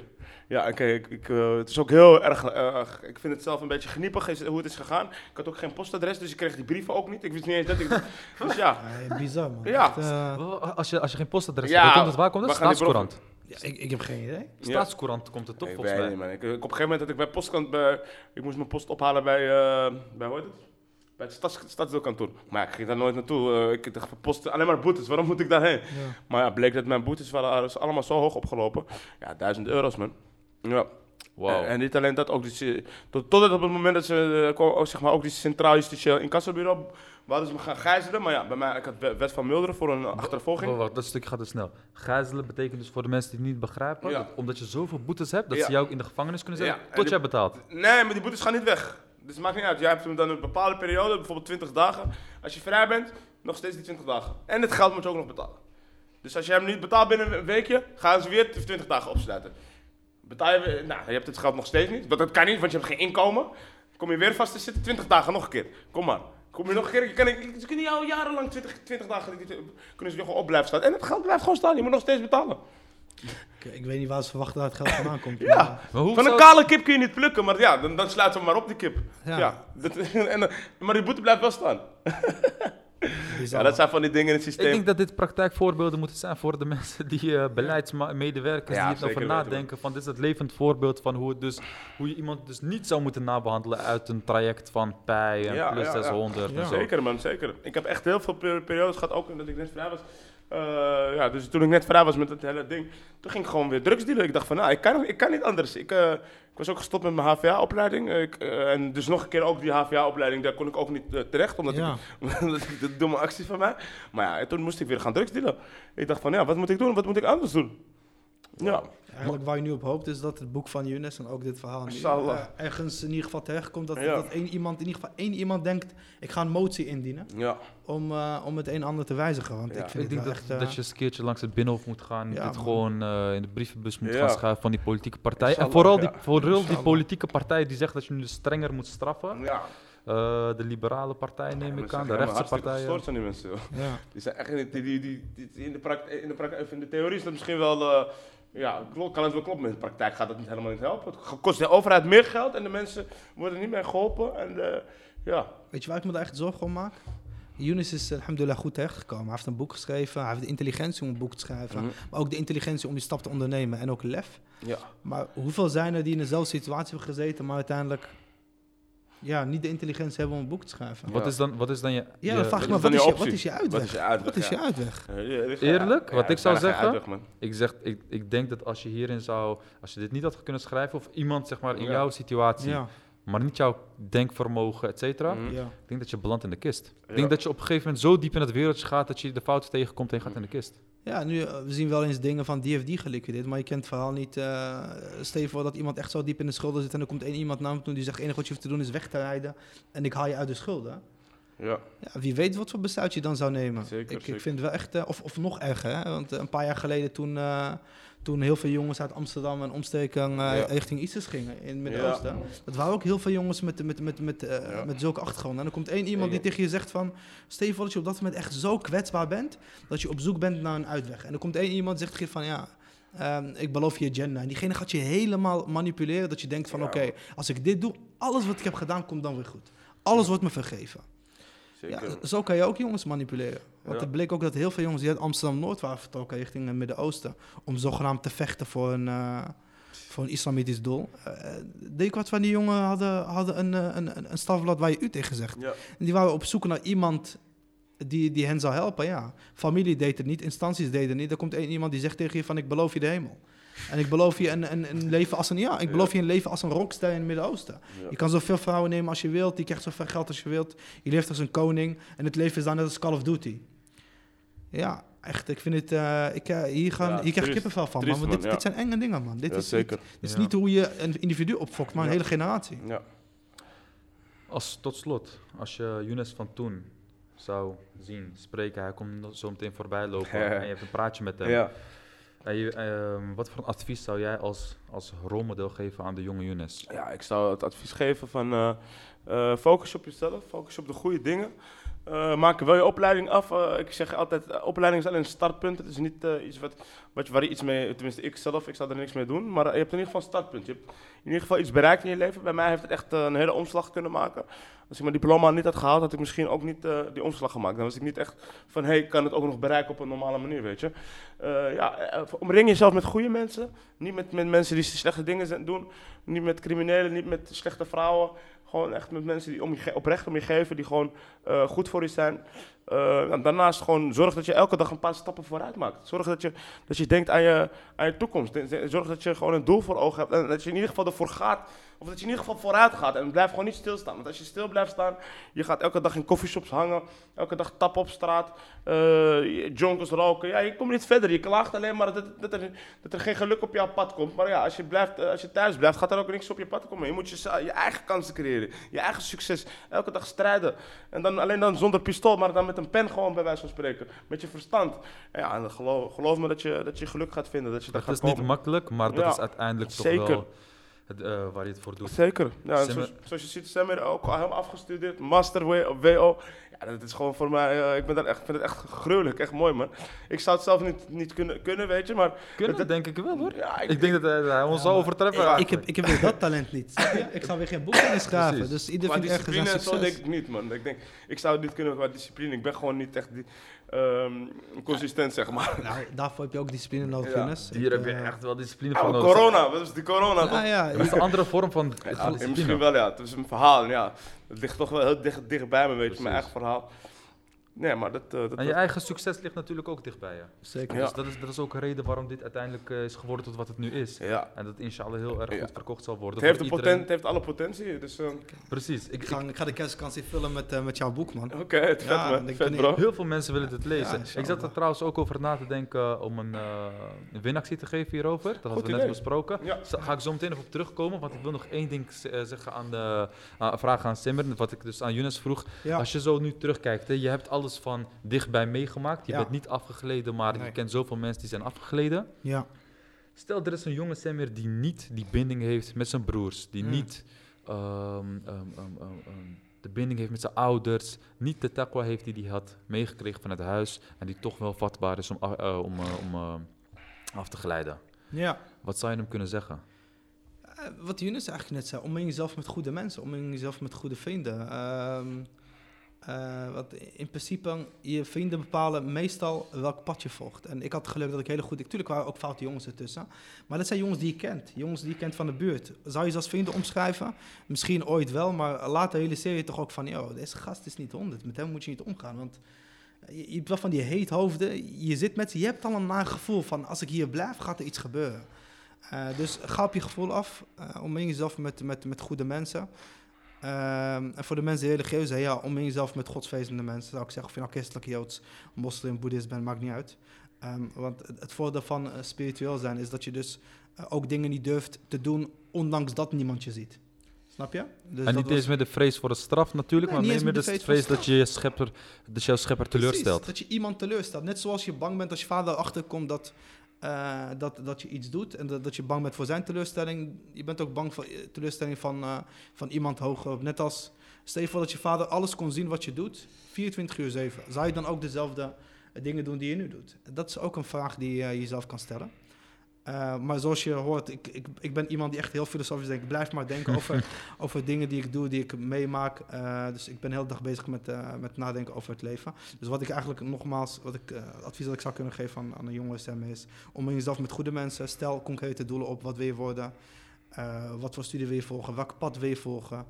En, en verdien je geld op een, op een eerlijke manier, op een halale manier. Ik heb, totdat ik afstudeerde, ik heb zeven jaar lang, of zes jaar lang... ehm, bij de Albert Heijn gewerkt. Eh, als teamleider. Ehm, ik heb gewerkt op een kantoor als, als, als, eh, als jong, junior belastingadviseur. Ik heb eigenlijk van alles en nog wat gedaan. Ik heb jarenlang vakken gevuld. Ik ben teamleider geweest. Eh, en, en je bent weer helemaal kapot. Hè. Je komt met een paar tientjes thuis aan het einde van de dag. Niet letterlijk, want je wordt aan het einde van de maand betaald. Maar je hebt wel voldoening van, ik heb gewerkt voor mijn geld.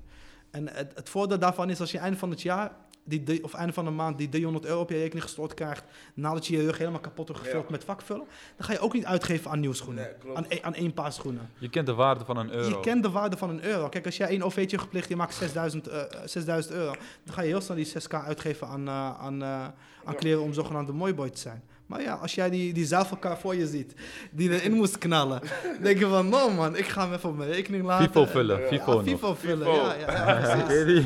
Ja. Als jij die... Eh, Dat, dat Ja. overwerken en eh, als jij je nog kan herinneren dat je, tot, tot, dat je moest overwerken tot één uur in de nacht Thames niet reden, dat je die wakka moest zetten naar Osso. Ja, Dat zijn die avonden die je niet Klopt. vergeet. En eh, daarom ga je dan... schreeuwende baas. Precies. Maar dat vormt uiteindelijk ook de karakter van Dan een hecht je persoon. waarde aan Ja. het geld, ook waarde aan het werk. En, Precies. Nu, als ik helemaal kapot ben eind van de dag door werk, het geeft me een bepaalde voldoening.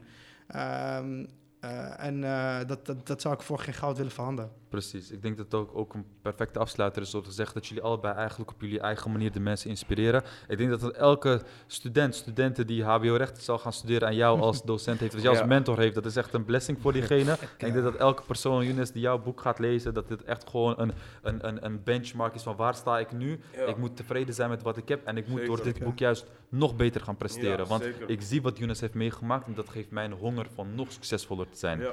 Daarmee wil ik ook meteen eh, aankomen bij de, bij de, bij de winactie. Younes en ik willen namens Bushans de podcast en natuurlijk namens Younes zelf eh, drie van deze boeken gesigneerd eh, weg gaan geven. Hoe kan je deze bemachtigen?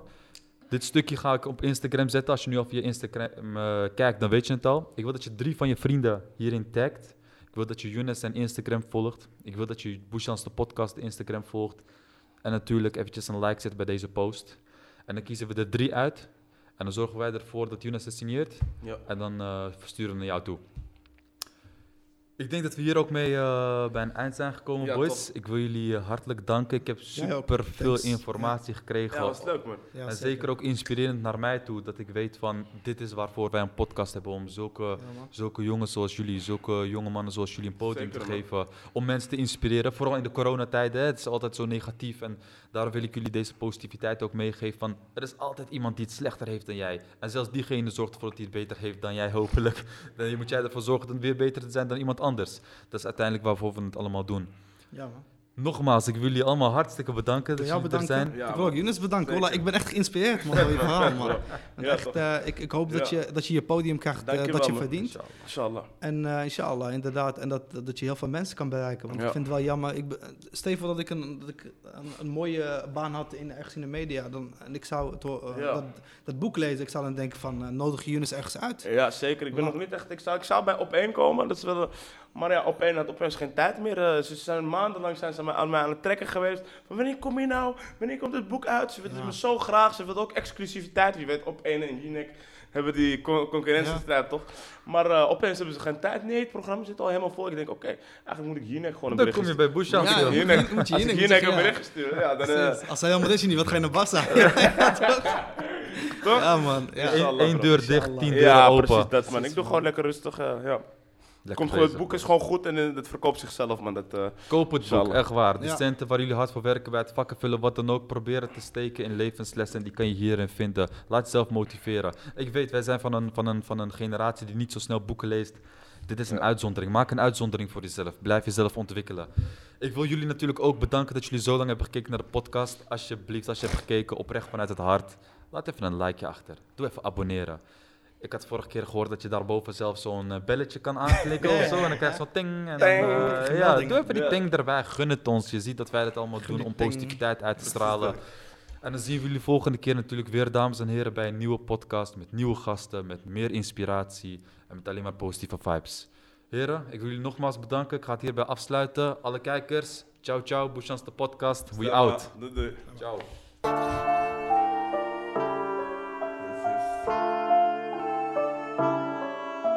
Bouchance, Bouchance, Bouchance, Bouchance, Bouchance, Bouchance, Bouchance.